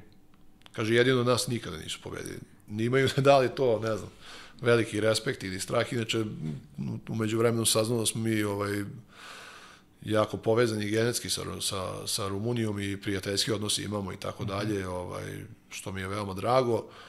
Ovaj, ali Rumuni ovaj, imali su jako dobre generacije pre toga. Recimo, kvalifikovali su se na olimpijadu 2012. gde su život zagorčavali Mađarima. Da, da. Tada koji su došli da, da osvoje, da osvoje olimpijadu. Da. Pobedili su Italiju recimo 2009. u Italiji. I tako, imali su fantastičnu utakmicu, nerešeno sa Crnom Gorom koja je došla da osvoji Evropsko 2010. Da imali su odlične generacije, imali su dobre ekipe, malo im fali, fali im neka osnova, fali im vaterpolo škola dosta i fali im treneri. Aha. E sad ostanemo još malo u tom periodu, osvajao si i, i titule i nacionalne kupove, iako Radeja nije baš bila tada toliko dominantna. Pa nije, u, u Rumuniji je tada postojale su četiri ekipe koje su, tri su se borile za titulu, ali su dve onako pretendovale Osteaua i Oradea. Mi smo tada imali jako dobru priču, ovaj, ima bilo je dosta igrača koji su se vratili iz inostranstva, koji su malo vaterpolo učili po Italiji i Mađarskoj. Došli smo ja i Vojislav Čupić koji je ovaj isto bio juniorski reprezentativac, da, da. malo je zakačio ja, da, da, malo je zakačio ja reprezentaciju, koji je na moju preporuku i došao tamo u Radeu, mm. na svu sreću, koji inače mi je veliki prijatelj i mm. ovaj i nas dvojica smo nekako ovaj uh, uspeli tamo da da se kvalifikujemo za ligu šampiona i da napravimo neku atmosferu koja je bila fantastična. To je jedna od najboljih godina u mojoj karijeri. Uh -huh. E, bilo, rekao si, znači, Vojislav Čupić, jedno vreme Dejan Stanović bio selektor, ili bilo još? Da, Dejan Stanović je bio selektor Rumunije, on je tamo pokušao mnogo stvari, ovaj, sad Rumunija je malo komplikovano, to je da ne razvodnjavamo priču, ali imao je najbolju ideju da, ovaj, da podigne rumunsku školu, da bi imao neku osnovu za, za reprezentaciju, da podmladi ekipu i ovaj, oni i dalje imaju jako visoko mišljenje njemu kao trener. Isto kadar Vojvodine, to čisto, čisto da naglasim. Isto kadar Vojvodine, da, da, isto. Isto golman iz Vojvodine. da, isto golman iz Vojvodine. E sad sezona 2018-19, jedni reprezentativac koji je igrao u Srbiji sa Šapcem dupla kruna i svi kažu Gojko je bio taj tas na vagi koji je prevagnuo na stranu Šapca. Pa ne znam sad to, ovaj, to kažu, ali ja sam jednostavno ovaj, u Šapcu, onaj naj, moj najveći uticaj je bio ovaj, držanje atmosfere u ekipi. Uh -huh. jednostavno reda u slačionici i ovaj i mislim da sam to ne mogu reći nisam ponosan ali drago mi je što sam uspeo malo uh, da da to nekako da kažemo dovedem u red i mislim da je s te strane moja zasluga, sad s ove strane kako sam branio to neću da ulazim, to je na drugima da komentarišu, ali ovaj ali imao sam fantastične momke tada u Šapcu, ekipa onako sastavljena od ljudi oko 20 godina su imali svi I to je mi je bio nekako moj prvi susret sa, sa, sa tom generacijom. Uh mhm. -huh. Jer ovaj, bi, dosta sam bio u inostranstvu i kad sam ja odlazio iz, ovaj, iz Srbije da igram u Rumuniju i tako dalje, nije ovaj, neka druga generacija bila u, igrača u Srbiji. A sada sam prvi put upoznao tu generaciju kako razmišljaju, kako treniraju i kakvi su im planovi i tako dalje, koji im mentalitet. I ovaj fantastični momci, stvarno bila nam je super atmosfera, uspeli smo da ovaj da osvojimo duplu krunu što mi je izuzetno drago. Prvi put sam nešto osvojio titulu kao kapiten i to je onako mm -hmm. meni bilo onako imalo specijalnu draž, ali opet kažem lepa priča, nadam se da će oni nastaviti tako dalje da ulažu te pare ovaj tu sumu i ovaj te budžete u u Waterpolo klubu. Dobro, da, ali de, definitivno, lepo si rekao, nije samo kvalitet koji si davao između stativa, verovatno si osetio tih mladih pa, ljudi, da, neko poštovanje i pa jesam, su morali su, da, da, da, slušaju, da. Pa nije, mislim, nisu morali, pa, mislim, ali zahtevao sam jednostavno. Da, da. Ovaj, nisam zahtevao nikakav respekt da me se neko boji, mi smo svaki dan, ovaj, svakodnevno posle treninga išli na, na kafe i tako dalje. Ovaj, I dalje se s njima i čujem i vidim i kažem, fantastični momci, mislim da ovaj, bili su radnici, uh mhm. -huh. Slušali su, što je najbitnije, i, ovaj, i trenera i mene, i to je na kraju ovaj, dalo rezultat. E sad, kaži mi, e, da li je bolje raditi, evo sad konkretno pričamo o Vatrpolu, u tim manjim sredinama koji su recimo fokusirani više na određene sportove, recimo Šabac je, Šabac je rukometni grad, znamo šta znači metaloplastika u svetu sporta, ali se neko i, i, i Vatrpolo se usadi u neku, da kažem, memoriju navijača, pa je bazin bio pun. Kako gledaš na, na, na, na, na, na, na, na tu percepciju? Pa ljudi su bili, bili jednostavno željni nečega drugog, sam, uh mhm. -huh. sem rukometa i futbola. Tamo je, rukomet i futbol su tamo osnovni sportovi, ali u, u, u manjim sredinama ovaj, dosta teže sportistima. Mhm. -huh. Jer um, takav pritisak u okoline, to je, mislim, tamo posle tri utakmice svako misli da je ekspert za, za, za neki taj sport. Mhm. Posebno u, u rukometu, znam momke iz rukometa koji ovaj, tamo je ceo grad ili trenirao ili gleda non stop rukomet, pa se on jednom svi razume. I onda ovaj, u manjim sredinama je tako, ali kažem, ovaj, drago mi je da, da, da postoji vatrepolo klub i drago mi je da, ovaj, da funkcioniš. Uh mhm. -huh. E sad, da li ti više prepoznaju u Šapcu ili recimo u Beogradu i uopšte kako ceniš pojavu tih relativno novih vaterpolo centara poput Šapca ili Kragujevca? Meni je to ovaj, fantastično. Ja mislim da, ovaj, da je budućnost vaterpola kako i u većim, tako i u manjim gradovima. I mislim da, ovaj, da treba bazirati pre svega priču na, na deci. Jer je zdrava sredina, pre svega, mm -hmm mentalitet jednog vaterpoliste, kad pogledate, to su sve ljudi koji su fakultete završavali, neko ozbiljnije, neko ne, ali ovaj, uglavnom obrazovani momci koji nisu, ovaj, ne lupetaju i tako dalje, ne možete da ih vidite po splavovima i tako dalje. Ima izuzetaka, naravno, kao i svakom sportu, ali, ovaj, ali pre svega mislim da je vaterpolo bitan zato što se trenira ovaj, dva puta dnevno, mm -hmm. što je obavezno i ovaj, nema se puno vremena za neke druge stvari, što je ono, kada, kada već pričamo o tome, jako deca lako zalutaju i nisu ona kriva. Tako je, tako je, ovaj, vreme. Tako je vreme u svetu trenutno i ovaj, što se mene tiče, ovaj, mislim da je trening ovaj, najbolji filter za sve to. Je, sad, na, na šta je u cijeloj priči najvažnije te, o, o tom periodu iz Šapca? Da li su dečaci i Šapca počeli da treniraju vaterpolo? To je možda jesu, i ključna jesu, stvar. Jesu, jesu, da. Dosta, de, dosta dece imaju čak možda i najviše ovaj, u Srbiji. Mm -hmm. Sad Partizan malo je onako specifična situacija tamo, pa nemaju puno dece, ali ovaj ali Šabac ima dosta dece. Jednostavno kada se taj novi kada se taj novi bazen otvorio, ceo grad se sjatio na bazen. I što je super za vaterpolo i za decu, zdravi su, jednostavno bit će zdravi i bolje će se razvijati, telo će im se bolje razvijati u bazenu. Mm. Ne kažem, i drugi sportovi su isto toliko zdravi, isto toliko, ali mm -hmm. meni drago jer jednostavno tu sam subjektivan. Naravno. Jasno. E, zapričali smo sa Sorom baš o tome koliko te manje sredine mogu da izdrže na jedan duži vremenski period, da održe jedan uspešni vaterpolo projekat s obzirom na ekonomsku situaciju koja svakako nije najbolja. Pa to je jedino uz podršku grada. Waterpolo nije sport. Mislim, jedini sport trenutno koji je, koji je mašina za pravljanje novca je ovaj, futbol da. Svi drugi sportovi su ovaj, mora da postoji podrška i države i grada. Tako da jedini način da to zaživi je stručan rad i ovaj i podrška gradskih struktura. Struktura. Mhm.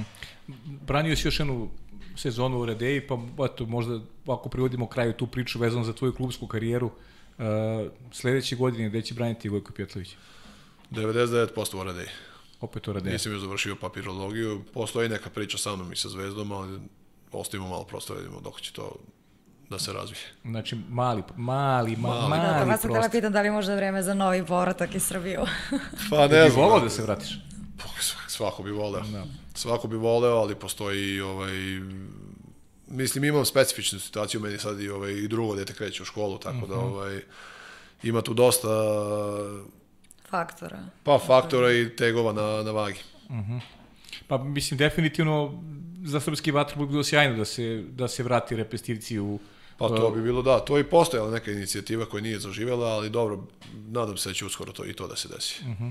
E sad možda jesi najpozvaniji da prokomentarišeš aktuelnu situaciju u domaćem klubskom vaterpolu, kada već pričamo o svemu tome. Pa Liga će ove godine biti odlična. Po meni je veoma neizvesno. uh, Šabac je ostao na tom nivou na kome je bio, radnički se pojačao, jedna apsolutno nova priča sa Novog Beograda, Uh -huh. ovaj, ekipa je jako dobro sastavljena, čak imaju jednog reprezentativca što je super. Zvezda koja polako kreira ekipu, koliko sam ja čuo, i oni će biti konkurenciji za titulu. Sad ima tu Partizan koji ne bi pretjerano da komentarišem, sad ne znam kako će ekipa imati, da, ne znam da. kakva je situacija, ne mogu da komentarišem. Ima Vojvodina koja pravi mladu ekipu koja će sigurno biti svakome kost u grlu, ali, ovaj, ali neće biti ekipa koja, koja može da osvoji titulu, za to još nije vreme. A, ovaj, ali kažem, bit će ona jedna odlična borba, četiri ekipe, tri, četiri ekipe će pretendovati na titulu, što je fantastično. Uh mhm. -huh. Dugo se nije desilo.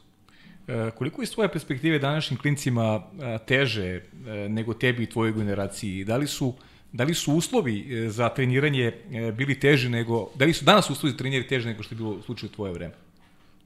Pa ne bih rekao ne bih rekao. Jedino sada ovaj, u Vojvodini stvarno imaju sada, ja kad sam bio klinac samo smo Spensi imali, sada ima mm -hmm. i taj bazen na Slavnoj bari ovaj, koji je pod upravom Vaterpol kluba Vojvodina i ovaj, imam i prostora i svega mm -hmm. i mhm. uslovi su odlični. Šabac koji ima svoj bazen ovaj, na upravljanje, Kragujevac takođe, mislim da su uslovi odlični. Mm -hmm. Zvezda na 25. maju, mislim da imaju, da imaju dobre uslove svi sem ostavit, ostavit ćemo, jedini koji nemaju su, je Partizan, ali ovaj, to ćemo da ostavimo, da vidimo kako će situacija dalje razvijati. Da, čekamo svi. E, pa čekamo, da, da vidimo. Da i sednice i sve to ćemo pa, da ima vremena. Da. da li smatraš da je uspeh tvoje generacije ujedno i neiskorišćena šansa da se srpski klubski vaterpolo mnogo bolje pozicionira i da vaš odlazak u penziju bude bezbolniji? Pa ne znam kako da odgovorim na to pitanje. Naša generacija je malo specifična, tako da nisam, ovaj, nisam načisto. Nisam načisto mhm. kako bi specifična generacija, zato što imali smo u nekim momentima i ovaj 13 igrača, od 13 igrača svi su igrali u inostranstvu. Mm. I onda je to jako, ovaj, onako situacija ne, ne bih znao kako da, da iskomentarišem to.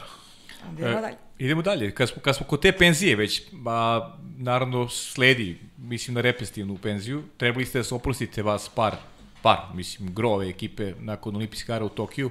Verujem da si, da si mislim ti. da je čak i nepar u pitanju. da, da, da je nepar u pitanju, ovaj, da ste, ovaj, da si, verujem i ti prolongirao penziju, da ćeš braniti u Tokiju ukoliko bude bio olimpijski igara. Zavisi da od mog dogovora sa Dejanom Savićem, ali definitivno fizički se osjećam dobro i motiva mi ne fali. To je mhm. nešto što se jednostavno ne briše i ne gubi. Mhm. -huh. Taj motiv igranja za svoju državu.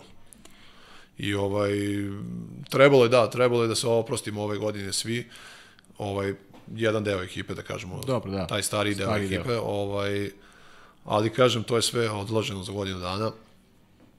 Sad ćemo vidjeti da li će i to da bude, ali da, kažem, opet svi, svi se nadamo da će, da će biti i da će ova generacija moći onako da se spektakularno oprosti. Uh -huh. E sa tim otvaramo i tvoju reprezentativnu karijeru. Bio si kandidat za državni tim na Evropskom prvenstvu 2006. godine, ali si dobitovao četiri godine kasnije u Zagrebu.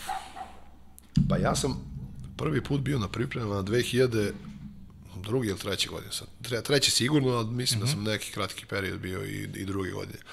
Tako da negde čekao sam da, da postanem standardni reprezentativac 7 godina šest ili sedam godina sam trenirao i čekao da budem, da, budem da postanem standardni. Od tada ovaj, sam samo jedno takmičenje propustio. I ovaj, mogu reći da sam imao jako bogatu reprezentativnu karijeru, ne mogu za sebe reći stvarno da dostigao sam nešto što nisam ni sanjao, ali opet ovaj, taj moj put nije bio lak ka reprezentaciji. To kad ne, nekako onako kad se gleda sa strane izgleda dosta onako da sam upao, ali daleko od toga. Mm. Kažem, recimo 2006. 7. i 8. sam, 8. ne, ali 2006. i 7. sam ispadao dva, tri puta zadnji dan. Aha. Sa spiska. Da, to, to nema ništa gore za, za sportistu koji čuje tako. Pa nema, ali to je škola. Da, da. Mislim, opet nisam ja imao neke golmane, ja sam imao ispred sebe stvarno vrhunske golmane I nije sramota ispasti od takvih golmana. Dobro, ali tad nisi više imao on, on, onu varijantu u glavi, je sad ću da odustanem, nego tad, Ne, tad, nisam, tad si nisam, ja da nisam neko ko odustaje. pre, prebrodio si tada one, one momente koji si imao u Partizanu, recimo. I sada recimo u ovim godinama kada treniram i sa mlađima pored sebe, mm -hmm. ja d, ovaj, održavam isti ritam i trudim se da jače radim, jednostavno to će me do kraja karijere pratiti i kad, kad me više ne bude pratilo, tu sigurno završavam. Da. Ako rekao si propustio si tako, to je bilo u Eindhovenu, nisi bio 2012. Eindhoven godine. 2012. godine. Da, da tad nisi bio, ali si se vratio u Budimpeštu 2014. Da, 2013. smo imali onaj mm -hmm. svetsko prvenstvo da smo bili sedmi. Tako je, da. Dosta onako loš osjećaj. Malo loši nego od, o evropskom Pa, to, je- Budimpešti. to je bilo, čini mi, to je, to je Dejanovo prvo takmičenje kao, kao Da, selektor. to je njegovo prvo takmičenje, Prvo da. takmičenje kao, da, kao Da, selektor. eto vidite, interesantna priča. To, te sportske priče su i kao životne, Da. da. nešto neverovatno. Čovjek je došao da bude selektor i bio sedmi. Da, Prvo s njegovo takmičenje, posle toga je sastavio najbolji olimpijski ciklus ikada. jeste, jeste, I ovaj, zasluženo naravno. naravno. Nije nezasluženo uopšte. I tekako ovaj, se radi o velikom treneru. Ali, ovaj, pa kažem, naš neki povratak ove generacije i nekako onako udarni moment je ta 2014. godine, kada je sve krenulo uzbrdo. Ja se ti sebe slabo hvališ, pa ćemo to mi raditi. A, u Budimpešti ti si proglašen za najbolje golmana i to je još u finalu deklasirana jedna velika Mađarska. Budimpešta, da, to je ovaj um, i statistički i ovako kad se gleda sa sportske strane, ovaj moje najbolje takmičenje do sada. Uh -huh. Ovaj i tada jedno od mojih najboljih form, formi. Ili baš specijalno gađaš to finale sa Mađarima koji svi dobro pamtimo Da, ili ne, celo takmičenje. celo Imao sam takmičenje. ja ta sa Mađarima utakmica mi je do, onako dobra, dobra utakmica, ali imao sam i boljih na tom takmičenju. Je tako, a? Imao sam i boljih, e, ne, pa izvojio bi recimo utakmicu protiv Španije, koja je možda jedna od prekretnica ove generacije. Uh -huh. Gde smo, imali smo moment da ovaj, sa Španijom ako odigramo nerešeno ili izgubimo, ispadamo sa takmičenja. Ne idemo ni u četvrtfinale. Uh -huh. Tako se nekako napravilo u grupi, ovaj, izgubili smo Mađare, igra nerešeno s Hrvatima. Ne, E, e, Zna, znaš da je to posljednji poraz na evropskim prvenstvima, ta utakmica od Mađarske u grupi? Posle toga, Nis- nisam posle znao. toga Srbija nijednu utakmicu izgubila na evropskim prvenstvima. Mislim da računamo ove peterce sada protiv Španije, ali u Nisam, regularnom ovaj, delu nisam. nijedan poraz. Posle toga. Nisam, nisam imao pojem. Eto. Nisam znao, eto, vidiš, interesantno. Ovaj, ta utakmica protiv Španije je bila veoma napeta. I, ovaj, I čak smo imali neki rezultat nerešeno ili tako nešto do fantastičnog gola Ćuka tada u, u trećoj četvrtini, mislim, ili četvrtoj, gde smo malo slomi, prelomili utakmicu i slomili od Španije, ali ta utakmica je bila biti ili ne biti. Tu je, tu, tu je moglo jako lako i da se oprosti i nekoliko ljudi iz reprezentacije i selektor i sve, onako svima nam je visio mač na glavom Da, da, da. I iz Saveza su nam tada došli i rekli budućnost srpskog vaterpola u vašim rukama, a ja sedim i I baš tim rečima tako. pijem kafu. Da. a rekao, dobro, bez pritiska. Dobro, generalno se baš Da, da, ta- susrećete sa pritiskom, Da, da, s da. obzirom da svi od vas očekuju da, da, sve. da. A dobro, jednostavno, jeste pritisak. Pritisak sportista sebi stvori u glavi pre utakmice, na utakmici više. Kad počne, ja kažem, nekako utakmice koje sam gledao i koje sam igrao, ovaj, uvek je lakše igrati. Da, ali vidiš Što se tiče pritiska. ka, kako si mi dao lep šlagvor, sad opet ću malo da odstupimo od, od, od, od, od, zadate, od zadate teme. Teme. E, koliko, je, koliko te neke sitnice život znače i, i, i, kako, se, kako se namesta situacija zaista ne prolazak u drugu fazu na evropskom prvenstvu posle debakla na svetskom prvenstvu to verovatno bi donalo do nekih promena Pa bila bi no, no, novi selektor verovatno sa nekim novim idejama možda, možda novi igrači ko zna To, kako, kako to je bi sve se šta bi bilo kad bi bilo. Tako ali, je, ali, ali, koliko, koliko je ta jedna sitnica, eto, lepo si mi dao taj, nisam o tome razmišljao do sada i nisam, nik, niko nije ovaj- pričao o tome sa Španijom kao ti. Ima, ovaj, to su mi pričali moji drugari, ovaj, treneri košarkaški. Uh -huh. Imam par drugara tamo iz Oradeje koji su ovaj, treneri ovaj, u košarkaškoj ekipi i sad oni idu na te seminare i tako dalje. Sad ne, neću da lupim, ali ne znam koji trener je bio ovaj, držao seminar, uh -huh. poznati svetski trener, koji je na tablu napisao ako podelio liniju, stavi s jedne strane predanost, rad, eh, sposobnost, talent i tako dalje. Sve to zaokružio, stavio jednako, sreća s druge strane. Znači da, da. ima jed- ima taj moment sreće koji opet nekako kad kad gledam kroz svoju karijeru i karijeru svih ovaj mojih saigrača u ekipi u reprezentaciji mnogo većih tu imena od mene nekako čovjek shvati da se to sve zaslužuje. Da, pa jasno. Da, da. Pa ono, u sportu, ja i moram ti priznati da ja generalno u sportu taj faktor sreće najmanje priznajem, moram ti priznati. To, to je kao š- tvoja Pa- generacija, ti peterci čuveni, sve ste mečove dobijali Jeste, na jeste, peterci da. u Španiji, nije to sreće, to je, to je kvalitet. Pa recimo ljudi vide peterce kad ovaj dobijemo, ne shvataju da recimo meni se dešavalo sa Filipom i Andrijom da ostanem po pola sata ovaj, posle treninga u bazenu i vežbamo peterce. Da, da. Jasno, jasno. I meni, i Branislavu Mitroviću, i Filipu, i svim tamo koji dođe do tog momenta šutiranja peterca. Uh -huh. Tako, Aleksiću i tako dalje, Ćuku. Svima ovaj, mi ostajemo po pola sata. Neverovatna stvar je recimo da ovaj, to me malo zbunilo recimo kada sam, do, kada sam došao u Šabac. Uh -huh. Taj moment me zbunio. Da se dešavalo često da ostanem ja posljednji na bazenu. Aha. Da se brže. Da, da, A da. bio sam, a 35 godina I sam. pet imao. godina, da. To me, taj moment me zbunio. I oni mi nisu verovali, ti isti mi nisu verovali dok nisu došli na pripremne reprezentacije, dok nisu došli do, do pripremne reprezentacije, da, mislim, mi ostajemo i posle treninga. Da, da, ne, ne, I sada u ovim godinama, ne... tre- treba im teša, znači, ovim, ovim... A ne, treba im, ne, ne treba im teša, samo treba da, samo treba, to je meni recimo, ovaj, opet dolazimo do uzroka, mm -hmm. uzrok tome je što oni, ovaj, u klubu su već sa 19 godina, 20 glavni igrači nosioci eki- ekipe. Da, da. I na treninzima i, i, u, i u, na utakmici. A to tako ne treba da bude. A to je nešto je Dejan priča prošle nedelje, nema, nestaju ti igrači srednje kategorije i to je najveći problem generalno. E, za- sad se dešava da recimo ili si reprezentativac ili... I, i, ili, si- ili, ili gledaš da, da odeš iz vaterpola. Pa da, ali to je velika greška. Je, pa to je, pa to je Jer veliki... mislim da i sport pa i je škola, sport i škola mogu i tekako, mnogo teže, 20 puta teže nego, ovaj, ne, nego bez sporta, ide škola, ali ide. Da, da, da. Može i ne mogu da nađem opravdanje zašto, za, ovaj, kao nemam. I, I jeste. Ja kad bi ispričao svoj radni dan u, školi, tu nema preko pola sata prostora za učenje. Ali nekako se izgora. I kažem opet nekako, mislim da to sve može, samo treba malo motiva i treba imati cilj u životu. Da. I to što Dejan Savić, on je potpuno u pravu, ovaj, i ja to isto, to nije tajna neka, to je ovaj, očigledno. Odsustvo starijih igrača i reprezentativaca u našoj domaćoj ligi se odražava na mentalitet uh, mlađih igrača. Nije normalno da neko sa 21 godinu bude nosioc ekipe i atmosfere i tako dalje. Mislim da jednostavno njima to fali da vide od nekoga drugog. Jasno, jasno. Pa da, to, to je ta, ta priča o tim da. igračima srednje Opet kažemo, vraćam se na onu moju priču s početka, nisu deca krive. Naravno, pa da, naravno. A, 2014. ne- neću da ti je, neću da je preskočim tako lako s obzirom da si da si i u Dubaju u svetskoj ligi takođe proglašen za, za najbolji glomatu, a, ako se i toga sećaš. Da, sećam se, mislim, nekako je to počelo, prvo smo odigrali neki turnir, bilo je jedno 6, 7 ili 8, ne sjećam se, ekipa ovaj, u Mađarskoj, da sam proglašen za najbolje golmana. I ovaj, posle toga, svako takmičenje koje sam odigrao, bio sam proglašen najbolji golman. Da. Sad, da li su to, bili, da li su to oni izvlačili statistički, da se glasalo koji sistem, ne znam, ali eto, kažem opet nekako moje najuspešnije godine što se tiče, Da, definitivno. što tiče mene lično forme moje, ali Tako je. uspeha kao uspeha imao sam i uspešnije. E sad kad smo kod uh, tih uh, šest svetskih prvenstava, na šest si branio i sigurno najviše pamtiš Rim 2009. ili Kazan 2015. zbog uh, zlatnih medalja. Meni je Rim, ovaj, uh, Rim onako naj... Daleko od toga nije najdraža, ali nekako mi je taj Rim, to je bilo moje prvo veliko takmičenje.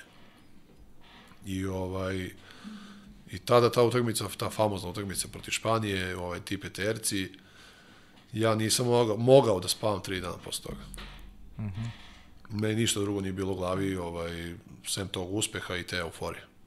A obično i pitamo za neke anegdote sa tih takmičenja svakog sagovornika. Po čemu ti najviše pamtiš? Što se tiče anegdota, nema nešto specijalno, samo moje radovanje gde sam krenuo, ta je smešna situacija, to ima na snimku. Kamera zoomira mene. Pa prvo je moment utakmice kad ja onako masno opsujem. Aha. Kada je Soro zakačio loptu na petercu, ja rekao, ne znam ni šta sam rekao. Do, ni, ni, do, ni, ni važno. bitno, ali, Bip. ali zoom, na, mo, zoom na moju glavuđu i ja opsujem onako masno.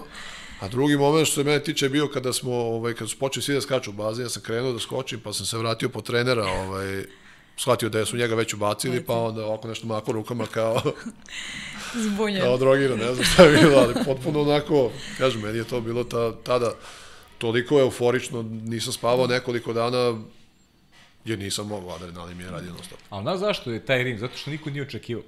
Mislim, javnost nije očekivala. To vi sami između sebe znate kako ste vi gledali na takmičenje. Da, mi smo, ovaj, da, nama su davali... Zvali, ovaj, ispraćeni ste kao turisti, evo, bukvalno. Sećam se tada jednom Aca Stojanović došao da nas isprati na aerodrom. Jedna kamera je bila.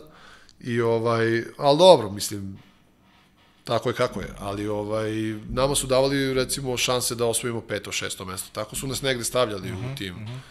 u tim vaterpolo krugovima i tim intervjuima i tako dalje. Favorit broj 1 tada i verovatno najbolja ekipa u tom momentu, onako najduže su igrali zajedno, bilo Crna Gora. Uh -huh. I ovaj, što to nije, nije opšte tajna. Ali ovaj, ali mi, smo, mi smo nekako znali da se mi tu i tekako pitamo. Da, da. I da ćemo se pitati i dalje.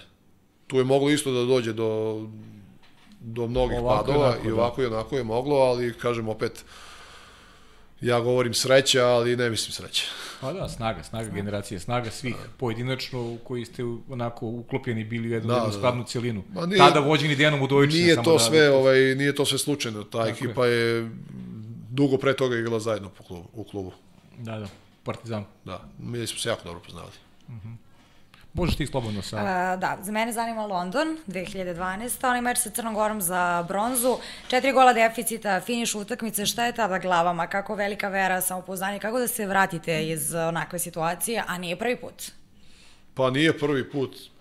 A tada isto, ta, ta olimpijada je bila nešto onako dosta čudno. Krenuli smo furiozno protiv Mađara, pet razlike i tako dalje krenuli smo kao da ćemo da se prošetamo do finala i na kraju da samo uzmemo medalju. Ali ovaj nije ni tako ni nije na kraju bilo jer imali smo tu neku utakmicu protiv ovaj Australije. U četvrtom finalu da sam ja ušao posle druge četvrtine 7-3 i odigrao svoju ulogu. Mm -hmm. ovaj, tu smo isto okrenuli utakmicu. Sa, sa tri da, ili četiri razlike smo se vratili i pobedili. Ovaj, a tu utakmicu protiv Crne Gore, interesantno tu utakmicu protiv Italijana u polufinalu ja nikad nisam pogledao toliko me iritira ta utakmica da ne mogu da je pogledam, ali ovaj ali treba, jednog dana ću sigurno. A utakmica sa Crnom Gorom je bilo onako, ostao sam samo ja na klupi na kraju, svi su imali po tri lične, sva, svi treneri su bili isključeni, dobili crvene kartone, ja ne znam, jedno da su nas gađali ovaj, kamenjem. da, da. Ali kažem, opet nekako bili smo i ovaj, previše motivisani i previše željni da, da uzmemo medalju na olimpijadi. Mm. Jer vratiti se s četvrtim mestom nije onako lep osjećaj i to je nekako uvek ti visi u glavi i jednostavno želiš da A, mislim, je, da, mislim da je tu naša želja presudila. A to je baš jaka volja, kad, kad si negdje u glavama projektuješ osvajanje zlatne, zlatne medalje, izgubiš u polufinalu i onda imaš deficit u četiri gola za bronzu. To je stvarno baš onako jaka, je, jaka volja to je, i, ima, ovaj, ima i tu... mentalna snaga nevjerovatna. Pa zato su i ti ljudi ovaj, i selektovani tako koji su u reprezentaciji. Da. Tako su i selektovani da budu čvrste ličnosti i, i, ovaj, i neko ko ne odustaje. Da. Tako su i dolazi u reprezentaciju. Naravno. E, idemo u Rio. Bajka cijele generacije. Možda i kruna karijera, pogotovo ako se uzme obzir da naredne godine ne bude olimpijskih pa, igara u Tokiju. Da. Aj malo pre, prepričaj to iz tvoje prizme bilo je tu, pa Rio je, su Rio je bajka, ali Rio je bajka zadnja četiri dana. Da. Sve kontra, kontra od Londona je počelo. Sve, da. Bio, Rio je bio ovaj, bajka, ali samo zadnje četiri dana. Rio je bio mm. pakao. Pakao, da. To će vam svako reći. Ovaj, Rio je bio, počeo je baš onako kako nismo želeli. Mm -hmm. Sa ovaj, ajde Mađari nerešeno, to smo i znali, nekako mi je nebuloza bila tada da stave otvaranje olimpijade, prvu utakmicu jedan waterpolo klasik Srbija Mađarska u 9 ujutru. Mhm. Mm da. I ovaj, ajde, odigrali smo tu utakmicu kako smo odigrali i tu smo... A izvini, čak smo rekli da vi niste baš rano ranioci, ne znam ko je to rekao u prošlim gostovanjima. za nas ili za mene? Za, za na, vas. Za, za, za mene je specifično. da. Volim, spava mi to nije tajna. Volim, spava mi to nije tajna, ovaj, ali to buđenje u 6 ujutru. da, to su baš pričali za to utakmicu u 9 ujutru. To je bilo onako malo glavobolja, ali dobro, nije počelo kako, kako smo zamislili, ali se završilo tačno onako kako smo zamislili. Ovaj, pa kažem, nekako smo jednostavno tempirali formu za, za taj završni deo takmičenja i uspelo je. Uspelo je to sve i ovaj, ta neka taktika je uspela. Kažem, opet bilo je tu dosta uspona i padova i neprospavanih noći. Dosta nas je tu izgubilo na kilaži samo od stresa Mm -hmm. Ja sam smršao 7 kila. 7 kila za vreme Rio. Da. Mm -hmm. Ovo, to nikad nisam ni rekao nikome. Mm -hmm. ovaj, ali kažem samo od stresa, ne od sad ovaj nekog pretvornog umora na olimpijadi se nešto nije trenira specifično, specijalno, jer nema tu ni prostora, imate samo jedan trening dnevno, nekad i dva. Ali, ovaj, da, malo će drugim sportistima zvučati jedan trening dnevno, nekad i dva. U Waterpolu su uvek trenira dva po dnevno. Je, je to i zbog pritiska koji ste sami sebi nametnuli, zlato ili ništa? Mi smo, pa ne, ne mi toliko sami sebi, ali sve oko nas, nas su već videli kao apsolutne šampione. Delegacije Olimpijskog da, komiteta, da. svi koji ne, su... Ne, ne, ne oni, ne oni, nego jednostavno vaterpolo svet. Vatr, I vaterpolo svet, da, pre vaterpolo svega. Da. svet. Da, da, tada je bila, nije, bila, nije bio cilj nikome da osvoji olimpijadu, nego jednostavno pobedi Srbiju. Uh Mhm. -huh. Svi su znali da moraš da pobediš Srbiju ako hoćeš nešto da uradiš. Da, I 2017. je bilo sve fokusirano na tome na svetskom da se pobedi Srbija.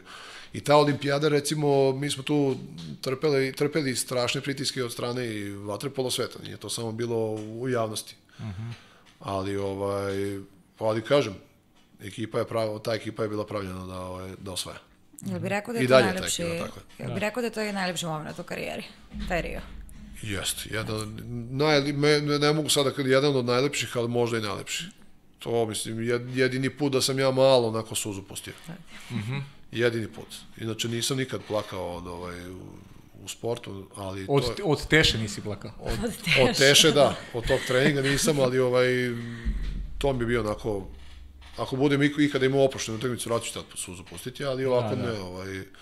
To je jedini put da sam malo onako bio... Na ivici. Na ivici, bio mm -hmm. sam jako emotivan, da. To mi je bilo toliko bitno, ne mogu da vam opišem. Pa, veruj da i nama koji smo gledali to sa strane, da, možda da, zamislimo da, bilo je. kako je to izgledalo vama. Ljudi koji ste u mojoj okolini su bili onako, bilo je velikih tenzija stvarno. Trpela je naša, to su pričali vratno i pre mene, trpela je i porodica, svi su trpili. Da, jasno. Zbog tog pritiska ta olimpijada, jer ljudi generalno ne shvataju kako to izgleda. Mm. Mnogo odricanja, mnogo odricanja. Pa mnogo... ne odricanja, ali kad staviš sebi takav jedan cilj u životu, to je onda moraš svega da, da se odrekneš. Da, da. A, a ko je bio najteži, kad znamo ko je bio najlepši? Ko je bio najteži moment u karijeri? Najteži je bio 2013. godina, utakmica protiv Crne Gore u četvrtfinalu. Svetsko prvenstvo? Da. Primio sam gol koji, ovaj, sad da li je moj, nije moj, to je diskutabilno, je gol koji ja nisam teo da primim. Uh -huh. Iako sam tu utakmicu, mislim da mi ovaj, da sam bio u formi u toj utakmici, da sam je odradio kako treba, samo taj zadnji, zadnji šut nisam. Uh -huh. ali, ovaj, ali kažem, to mi je jedan od najtežih momenta. Bilo je dosta teških momenta. Naravno. Karijera svakog sportista je sastavljena od više teških nego, ne, nego lepih momenta. To u svakom sportu i svaki vrhunski sportista, ajde ako sebe stavimo u tu kategoriju, ovaj, ima više teških momenta nego, nego srećnih. Mm. Što se tiče utakmica i tako dalje. E sad kad smo kod tih teških momenta, kako si doživao prethodna dva neuspeha reprezentacije, istina na jednom nisi učestvovao? Pa to svetsko, to smo otišli sa mladom ekipom i svi su bili spremni da, da tako nešto može da se desi. I ovaj i nije bilo neko sad izne, mislim nije bilo jeste nije bilo iznenađenje. Jednostavno tada je ta mlada ekipa je naletela na Španiju. Po meni da su nekog drugog naleteli prošli bi. Jedna odlična generacija koja posle olimpijade treba da i nastaviće da da osvaja. Ali ovaj ali kažem, ovaj, svi su tamo negde imali u glavi da tako nešto može se desiti, otišlo se i bez, ne bez pritiska, ali sa manje pritiska. Ne može se reći bez pritiska. Za reprezentaciju se uvek igra s pritiskom, pa makar i revijalnu utakmicu. Ali, ovaj, ali sa manje pritiska. A ovo, dve, ovo evropsko prvenstvo dosta nam je teško palo, mislim meni lično je teško palo, ostale ćete pitati, vjerojatno će isti odgovor mm. dati, Ovaj, ali jednostavno ta ekipa Španije je jedina bila ekipa u tom momentu koja je mogla da nas dobije. Ni to ne da nas dobije, igrali smo nerešeno. Da. Mislim da ovaj da smo malo efikasniji bili u napadu tu utakmicu, nijansu da bi ta utakmica potpuno druge tog dobila i da bi da bi ih ne bi ih dobili sa pet, ali dobili bi ih dva razlike. Ali recimo opet e, nije mi nije mi žao jer nisam izgubio od ekipe koja je eto kao došla na pola gasa, pa kao imali su sreće. Ne, Španija je jedna fantastična ekipa koja igra van serijski vaterpolo, predvođena pre svega Peroneom i, i, i fantastičnim ovaj, uh, uh, Pinedom golmanom. Pineda, aha. Koji je čovek u poznim godinama, on je stariji ovaj, od mene, ali stvarno čovek odlično brani i vuče ekipu za sobom, onako i motiviše ih i sve, imaju odličnog trenera. Jedna ekipa koja što, što ja volim da kažem, treba da prepisujemo od, od njih dosta stvari. Pa i taj projekat sličan onom nekadašnjem Partizanu, reprezentacija Maltene igra u jednom klubu i to je, to je neki model i kada je, kada je ova španska reprezentacija aktualno. Pa da, imali su ovaj, dosta igrača tu igra u jednoj ekipi i slične su škole. Nisu oni baš svi iz, iz, iz Barcelonete. Da, ima Da, to je ali- mešano, ali u nekom momentu su svi našli ili u Barceloneti ili u Sabadelju i tako dalje. Jednostavno oni imaju mogućnost, njima su recimo ovaj mi imamo tu taj peh da da ovaj da nismo svi tu.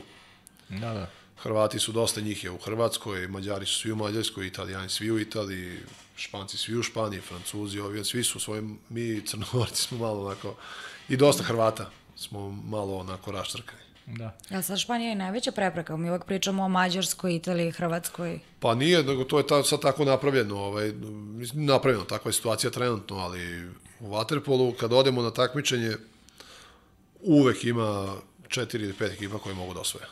Zato što u javnosti to uvek izgledalo nekako mi dođemo do finala uvek nekako, ali ovaj da, ali ovaj Ja stalno pričam, u futbolu isto tako. U futbolu uvijek imam pet ekipa koje mogu da osvoje. Pa, da. pa nema više, pet ekipa ima koje mogu da osvoje. Sve ostalo i u isto tako, samo ista priča i u da. Kad pričamo o toj konkurenciji, neki nevjerojatan podatak recimo više ima osvajača različitih svetskih prvenstava u Waterpolu nego u fudbalu. nego futbol, pa da. Pa, apropo ovih teoretičara, ovaj, Ma dobro, pa to je. malo zemalja igra Waterpolo i to, to, to Pa malo zemalja čak- igra vaterpolo, pa mi onda odemo u Sjedine američke države, odigramo utakmicu pred 5-6 hiljada ljudi uz ludilo na tribinama, revijalnu utakmicu. Skoro mi Andrija priča, kaže, ne, ne, ne bi verovao da se igra Waterpolo s obzirom da on Ne, zna ne. po opremi koju, Ljudi, kojim se bavi. naši ljudi to ne, uh, mislim, ne raspituju se, Ma da, pa ne znaju. da, da. Ali inače, recimo, vi imate francusku ligu koja je najorganizovanija liga u, u Evropi trenutno. Imate, oni svi imaju veći broj vaterpolista nego vi, sve te države. Da. E, znaš što je interesantno je meč sa Španijom u četvrtfinalu, da ne zaboravim. Um, Evropsko prvenstvo, dakle ove godine, došli su na red peterci. Bani Mitrović je branio, prvo, branio prva četiri peterca i onda je Deki Savić tebe stavio da braniš peti peterac. Peti peterac koji si morao da obraniš da bi Srbija ostala u, u, u da, igri. opet bez pritiska. O- opet, opet bez pritiska. To, ali, ali neko, a to, prvo mi to reci, a onda nekako Deki je naučio kompletnu javnost koja onako prati vaterpolo površti ozbiljnije, nije važno, ali javnost koja prati vaterpolo, da neko tebe, i- tebe i Baneta e, stalno neko vam deli minutažu. Nikad ne znaš ko će početi utakmicu, ko završava. Mi smo iz iste škole, iz istog grada, ali smo ovaj, eh, po stilu potpuno različiti golmani. Mm -hmm. Pod broj jedan fizički smo drugačiji. Drugačiji, da. On je viši od mene, ima, ne znam, 15 cm veći raspon ruku i drugačije brani jednostavno. Mm -hmm. A opet sad da ne ulazimo u detalje, sad bi trebao tehnički da pričam zašto je to tako, ali da. ovaj ali smo potpuno različiti golmani. I ovaj i to je mislim najveći plus ove reprezentacije kako jedan od najvećih pluseva na golu je što nas dvojice jako dobro funkcionišemo zajedno. Mhm. Uh -huh. I zajedno smo i u sobi i jedan drugog ovaj ne bodrimo, ali učimo jedan drugog često. Mhm. Uh uvek imamo određene šuteve, određene šuteve u glavi uvek ih izbacujemo pred utakmice jedan drugom govorimo šta i kako. I u toku utakmice mi znamo, recimo tačno kad se pogledamo, znamo kako, šta i ko. Uh -huh. I ovaj, to je često, ja recimo znam na golu kad sam Branislav Mitroviću, kad igrač ima loptu, imam ga ponekad u ovaj u video krugu da on meni pokaže. Mhm. -huh. I često se on ka meni okrene kad je peterac ili kad neko treba da šuti ili tako nešto. Često ovaj, mi nas jako dobro funkcionišemo, opet potpuno smo različiti, stilovi su nam potpuno različiti. Mm -hmm. Iako taj- smo iz iste škole. A taj peti peterac? Pa taj peti peterac, evo, ne znam šta ti, žao mi je što nisam 3 cm niže stavio tu levu ruku, što nisam samo prst mali, malo ne mogu da stavio. setim da li si bio blizu, zaboravio. Jes. Jesi, ja? Malo mi je falilo, ovaj, pa dobro, šta sad, mislim. Pa ne, naravno, to, to je sport. Nisam ovaj, svako krenuo da se znojim kad, kad setim toga, ali ovaj, ali eto, to je jedna od stvari koja me tera napad, recimo, meni to sad nervira. Da, da, pa jasno. A I, kad se on- setiš... I onda, sam, I onda sam se vratio u klub, recimo u Radeu, posle dve i po nedelje osvojio kup protiv jače ekipe na peterce, odbranio zaljeda. Da, da. Mm. Jer me nerviralo. Da, da, jasno, jasno. To me nervira i tako, uglavnom tako i funkcionišem. Iznerviram se i onda radim jače. da, da, da, da, pa dobro. Nije loše, inat, sam sebi na... da, da, da. Što je karakteristično za nas. Pa dobro, generalno jeste, da. A, iznerviraš se kad se setiš toga, ali kako se osjećaš kad se setiš dočeka ispred Skupštine? Doček ispred Skupštine je nešto, Si zapevao nekad, nisi? Pa sad, zavisi kao koju pesmu. Misli skupštine. Nisam, Nisi. mikrofon ne dodirujem, ali ovaj, jer nemam baš ovaj, onako pevački glas, Aha. ali ovaj, ali onako prvi put kada sam kada smo došli pred skupštine 2009. godine to je to mi je bilo onako se sećam priča tada ovaj kada su košarkaši 95 95 košarkaši kada su 95 ili 6 sad. Da, ono, Otinu kada su da, da. 95. Kada su 95. došli i sad ovaj, sećam se da sam ja bio kući i gledao taj doček i da je mama moja bila nešto tamo u kuhinji, ne znam mm -hmm. da li mhm. pravosude šta je bilo. I, ovaj, I da sam je baš rekao tada, ona se toga jako dobro seća i to mi pripričao milijon puta da bi voleo da jednom ja ovako. Rekao sam mu jednog dana ja ovako. Mm -hmm. To kad mi se desilo, tu nisam mogu da, da se opasujem. Da, da, da. nisam znao šta me snašlo ti do, taj doček i kad vidite taj sav srećan narod i kad vidite koliko podršku ima, imamo, onda, onda je onako vredi Još svega. Još osjećaj. Mm. E, ko ti je najteži rival u karijeri? Na čiji udarci nisi imun i koga onako pamtiš kao i, i danas doživljavaš Meni kao... su najgori šuteri iz naše reprezentacije dvojica. Milan Aleksić i Miloš Ćuk. Mm -hmm. Jednostavno... Ne znaš gde će šut?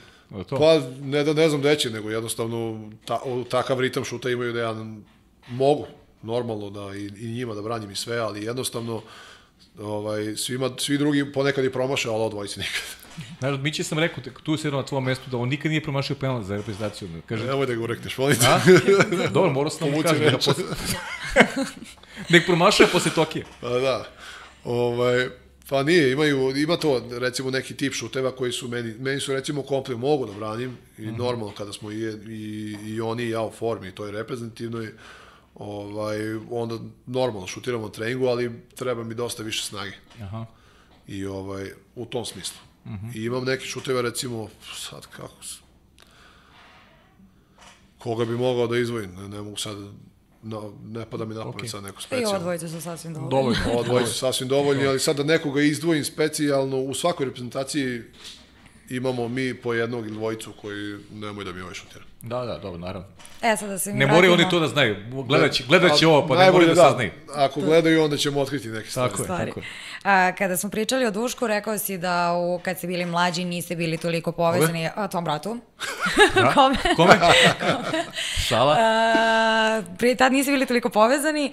A, sada je verovatno, sad, kao što i sam rekao, vukli ste jedno drugo kroz cijelu karijeru. Ne, mi smo uvijek bili povezani, samo nismo ne, ne, mislim, niste toliko da, to, da, kroz sport, da. na to i mislim. A, koliko se često posvađaš s njim? Da li se posvađaš sa njim? Pa ja ne znam, ovaj, ko ima brata, zna da se najviše svađa sa bratom. I to su svađe, to su onako naj, ovaj, žustrije svađe, ali dobro, više sad smo već ovaj, u određenim godinama, kad to više nema smisla.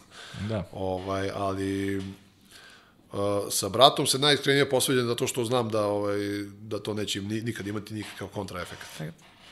Ili kad je u pravu. Lakše mu je da mu kažeš sve što ti padne na pamet. To. Pa ne, nego ću njemu uvek sigurno reći, apsolutno, inače, inače ja ovaj, baš i nemam dlake na jeziku, mm -hmm. ali, ovaj, ali njemu ću reći sigurno šta da, mislim. Pa dobro, naravno.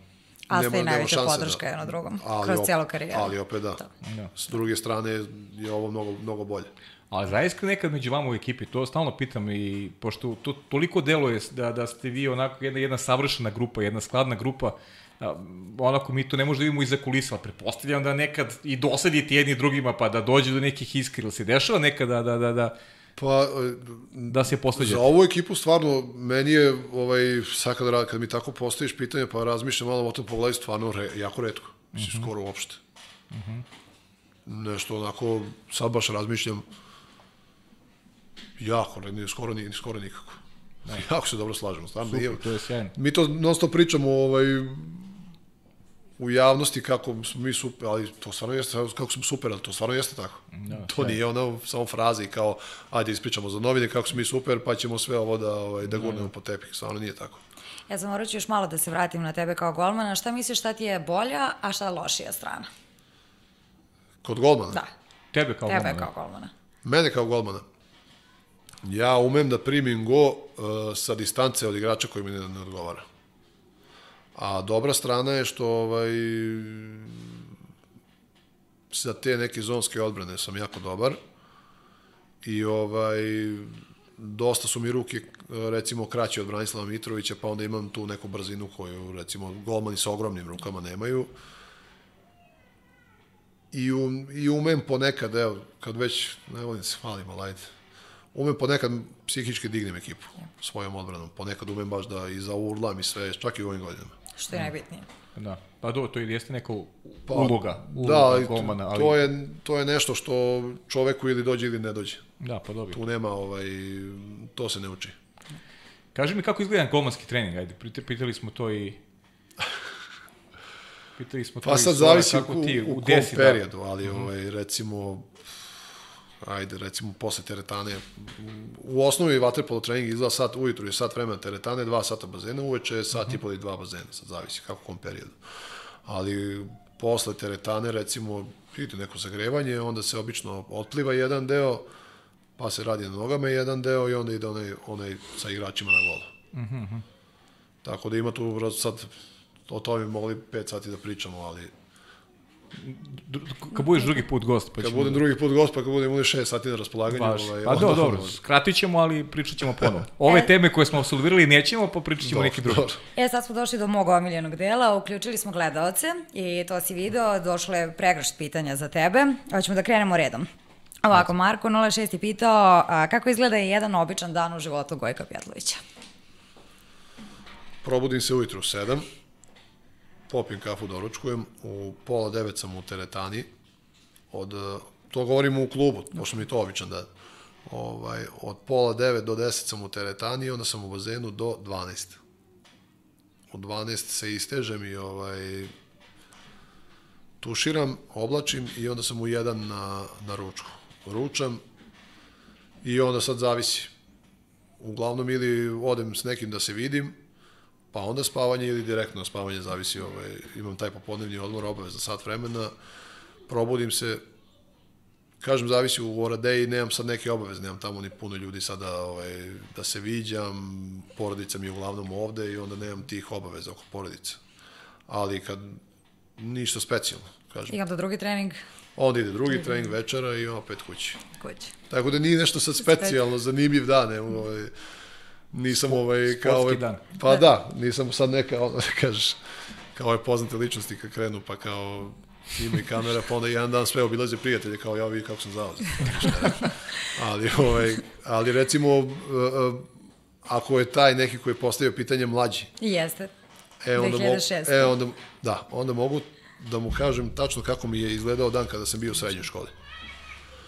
U srednjoj školi kada sam bio, ovaj, probudim se u 7, u 8 se trenirao. U Novom Sadu se tada treniralo u 8 ujutru do 10 i u 8 uveče do 10. Probudim se u, u, u, u 7, u 8 sam na treningu, do 10, oko 11, pola 12 sam kući, jedem, spakujem se za školu idem u školi. O, idem u školi. Evo vidiš. Do vreme, daš, već... Da, vidiš, dobro, već- pričamo već dosta. malo opada Pa, koncentracija, dobro, da, pričamo vidiš. dosta. Dobro, zadržali smo ovaj, Da, jesmo. I ovaj, onda sam u školi do, do večernjeg treninga. Uh -huh. Eventualno, ako se ranije završi, odem samo da ovaj, uzmem stvari, ali uglavnom podnesem stvari za sobom i onda sam ovaj, do 11 negde trening, pa onda u kući se vratim oko 11. Uh -huh. Tako da praktično moj dan kada sam bio u srednjoj školi je bio I onda dodaš, onda, onda ti dođe, recimo, profesorka srpskog pita da li si pročitao lektiru, pa jedino u autobusu da čitam na, na putu do treninga, da se stvarno, ne znam gde da je pročitam, ali, ali dobro.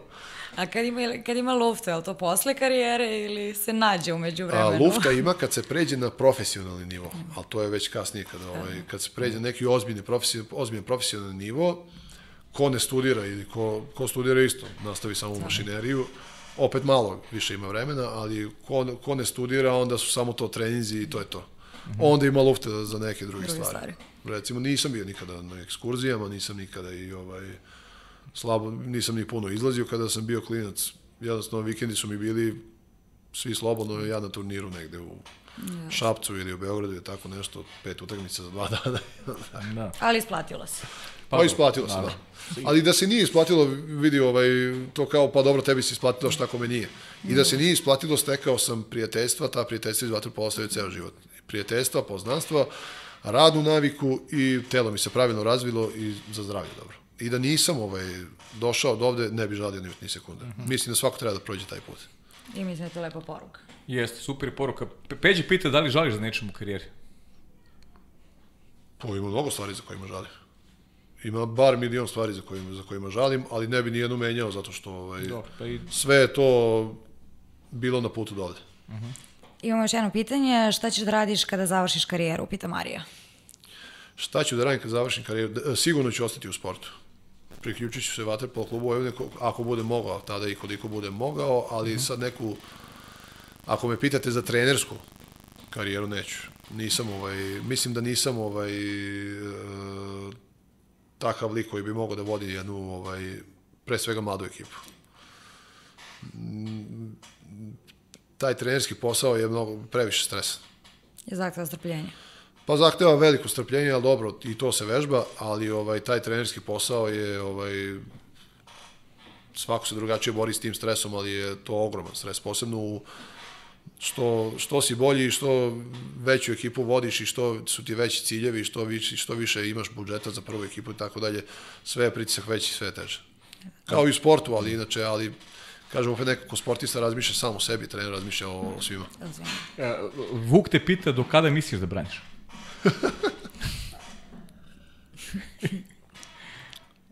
Da znam. Ne znam. Dok Ne te znam. sluša telo, šta? Ne, telo me, sad ne smijem da kucam u drvo Pa zbog dobro, mikrofona, da. ali, Da. ovaj, ali telo me sluša jako dobro. Super. Mislio sam iskreno, nisam znao da će, da će ovako da, ovaj, uh Mhm. -huh. mislio da će to biti mnogo gore.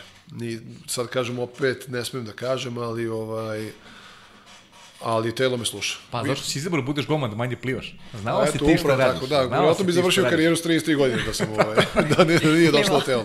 Da. Da. E sad Nenad pita da li pratiš druge sportove i da li se družiš sa nekima iz drugih sportova. Družim se sa dosta ljudi iz drugih sportova, a sport ne pratim uopšte. Uopšte. Pošteno. E, Peđa 0-11. Ne, izvini, mo- molim te, pratim uh, NBA. NBA pratiš. Volim NBA i pratio sam ga kao klinac i ovaj, to mi je super. Meni je košarka, ja se bavim vaterpolom, ali mi je košarka bila je jedan od dva omiljena sporta i dinamična je, može doći do velikih promena, veliki su pritisci i tako dalje. Meni se košarka jako sviđa, čak zato sam i sin upisao na košarku. Uh -huh. I vaterpol i košarku trenira, ali meni košarka nekako bila uvek A odlična. njemu? Pa oni otprilike za sport imaju isto interesovanje koliko i ja. Ali, ovaj, ali vidim da vidjet će mali, ima 10 godina, tako da Do tad ima vremena. Ima vremena. Pričat ćemo o tome malo, mislim sad pre kraja. Dobro. E, Peđa 011, jedno interesantno pitanje. Možda ima veze sa našim poslom. Kaže, kako su iskustva sa novinarima? Da li imaš omiljeni intervju ili neki kojim pamtiš po loše? Pa nemam pravo da ti kažem, ja nisam ovaj, e, e, s novinarima, ja nemam loše iskustva. Uh -huh. Nisu do sad bile neke izjave da su ovaj, skandalozni i tako dalje. Skoro mi isečena jedna izjava za, kad je bio, kad je bio ko, ovaj, ovaj, onaj prvi talas sad ne znam da li to je još uvijek prvi talas koronavirusa, da. ovaj, i, i, i ja sam imao neki intervju gde sam rekao a, a, da naglasio sam da, da, da sam bio u samoizolaciji 28 dana. Mm -hmm. Ja sam to osetio na svojoj koži. I onda sam rekao da mi nije toliko strašno, da nisam u rovu, nisam u ratu i da, mi, da, je, da samo treba da ostanem kod kuće, onda kad je bilo ono sve Da, da, ostanem da, da. kod kuće. To je nekako bilo onako prihvaćeno kao aj ti budi sine u 28 dana u kući. Mislim, bio sam. Bio sam. Samo je taj deo mog intervjua isečen, gde sam ja rekao da sam bio 28 dana u, u samoizolaciji. Mm -hmm. Znači, nisam ja, stvarno, mislim, kroz ovaj intervju ništa nisam rekao što nisam ja prošao. Da, da, da, jasno, jasno. jasno. Tako da, ovaj, a sa novinarima je stvarno do sada, uglavnom su me ispoštovali moje izjave i tako dalje. Nisam imao loše iskustva i na novinare u svojoj karijeri, mada nisam ja sad neka, nisam Novak Đoković pa da me prate u stopu, ali Dobro, ovaj, okej. daleko, mislim, svetlosnim godinama daleko, ali ovaj, ali kažem nisam imao neko. Sve, Mhm. do sad je bilo sve okej, stvarno ne mogu se šaliti. Super.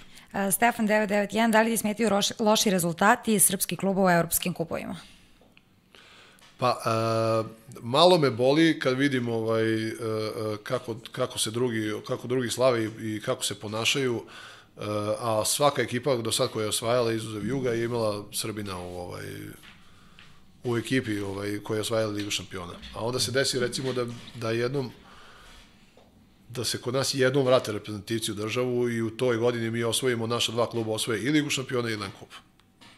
E sad malo mi smeta što nismo ovaj što mislim da bi Srbija i dominirala u tim u, u, u evropskim takmičenjima i takmičili bi se kad bi vratili sve reprezentativci naši, kad bi se mi kao Mađari, kao Grci, kao ostali vratili svi u našu ligu, da bi se takmičili u finalu sami sa sobom.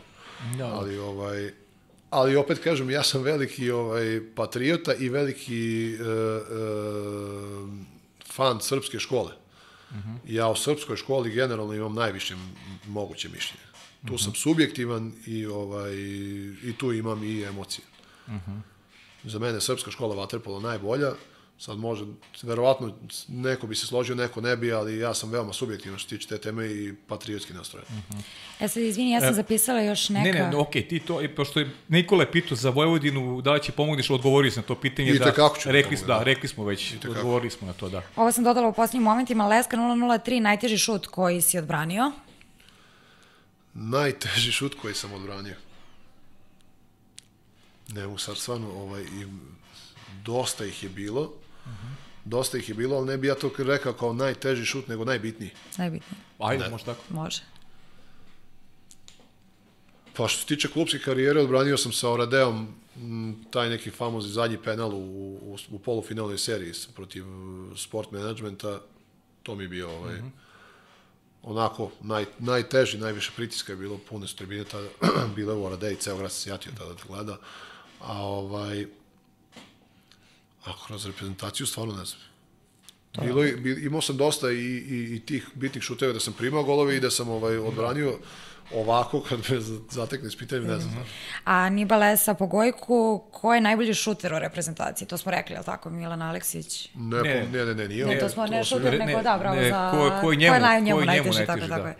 Njemu meni najteže, ja sam rekao na treningu. treningu da, Sad da. na utakmicama ne znam, nisam da. ove puno utakmica odigrao protiv njih, tako da ne mogu da ga kažem možda i ovo, ali što se tiče nekako na svetu, pa nisam ni tu Vamoš ima fantastičan šut. Nije, nije u reprezentaciji. A kod nas u da. reprezentaciji? Da. A, to. to. to. Ne znam. Dobro. Ne znam, po mene imamo toliko dobrih da jednostavno dešava se recimo golmanima koji, koji igraju protiv nas da pokriju Miloša Ćuka. Pa dođemo protiv sledeće reprezentacije, ne daju Filipu da šutne. Pa onaj treći ne da Mandiću da šutne. Da, da. A, tako da to je pretnja, jako disko. Pretnja sa svih strana. Pa duo, što, što mi volimo kažemo duva sa svih strana. Da, da. I, ovaj, onda je te, teško opredeliti se za nekoga jer to zavisi od golmana. Uh -huh. I još jedno i nećemo više da te davimo. Calić, koja ti je omiljena utakmica koju si odigrao za reprezentaciju? Omiljena utakmica da. koju sam odigrao za reprezentaciju? Finale s Mađarima 2014. Da. I za kraj, porodica. Ajde. Mi uvek spominjamo, ja najviše volim da kažem da je tvoja porodica faktor stabilnosti i koliko vam znači. Uh, naj, tvoj najbliži supruga uh, Iva, sin Jovan i čerka Mija, njih si spomenuo. I pre nego što nam nešto kažeš o njima, možda bi mogli da pogledamo jedan video. Ćao Paja, ćao Marina. Pozdrav svima koji prate podcast pod kapicom. Razmišljala sam o tome šta bi mogla da pitam Gojka, a da mi to već nije rekao. I mislim da ga nikad nisam pitala koja mu je omiljena predstava pozorišta na terazijama.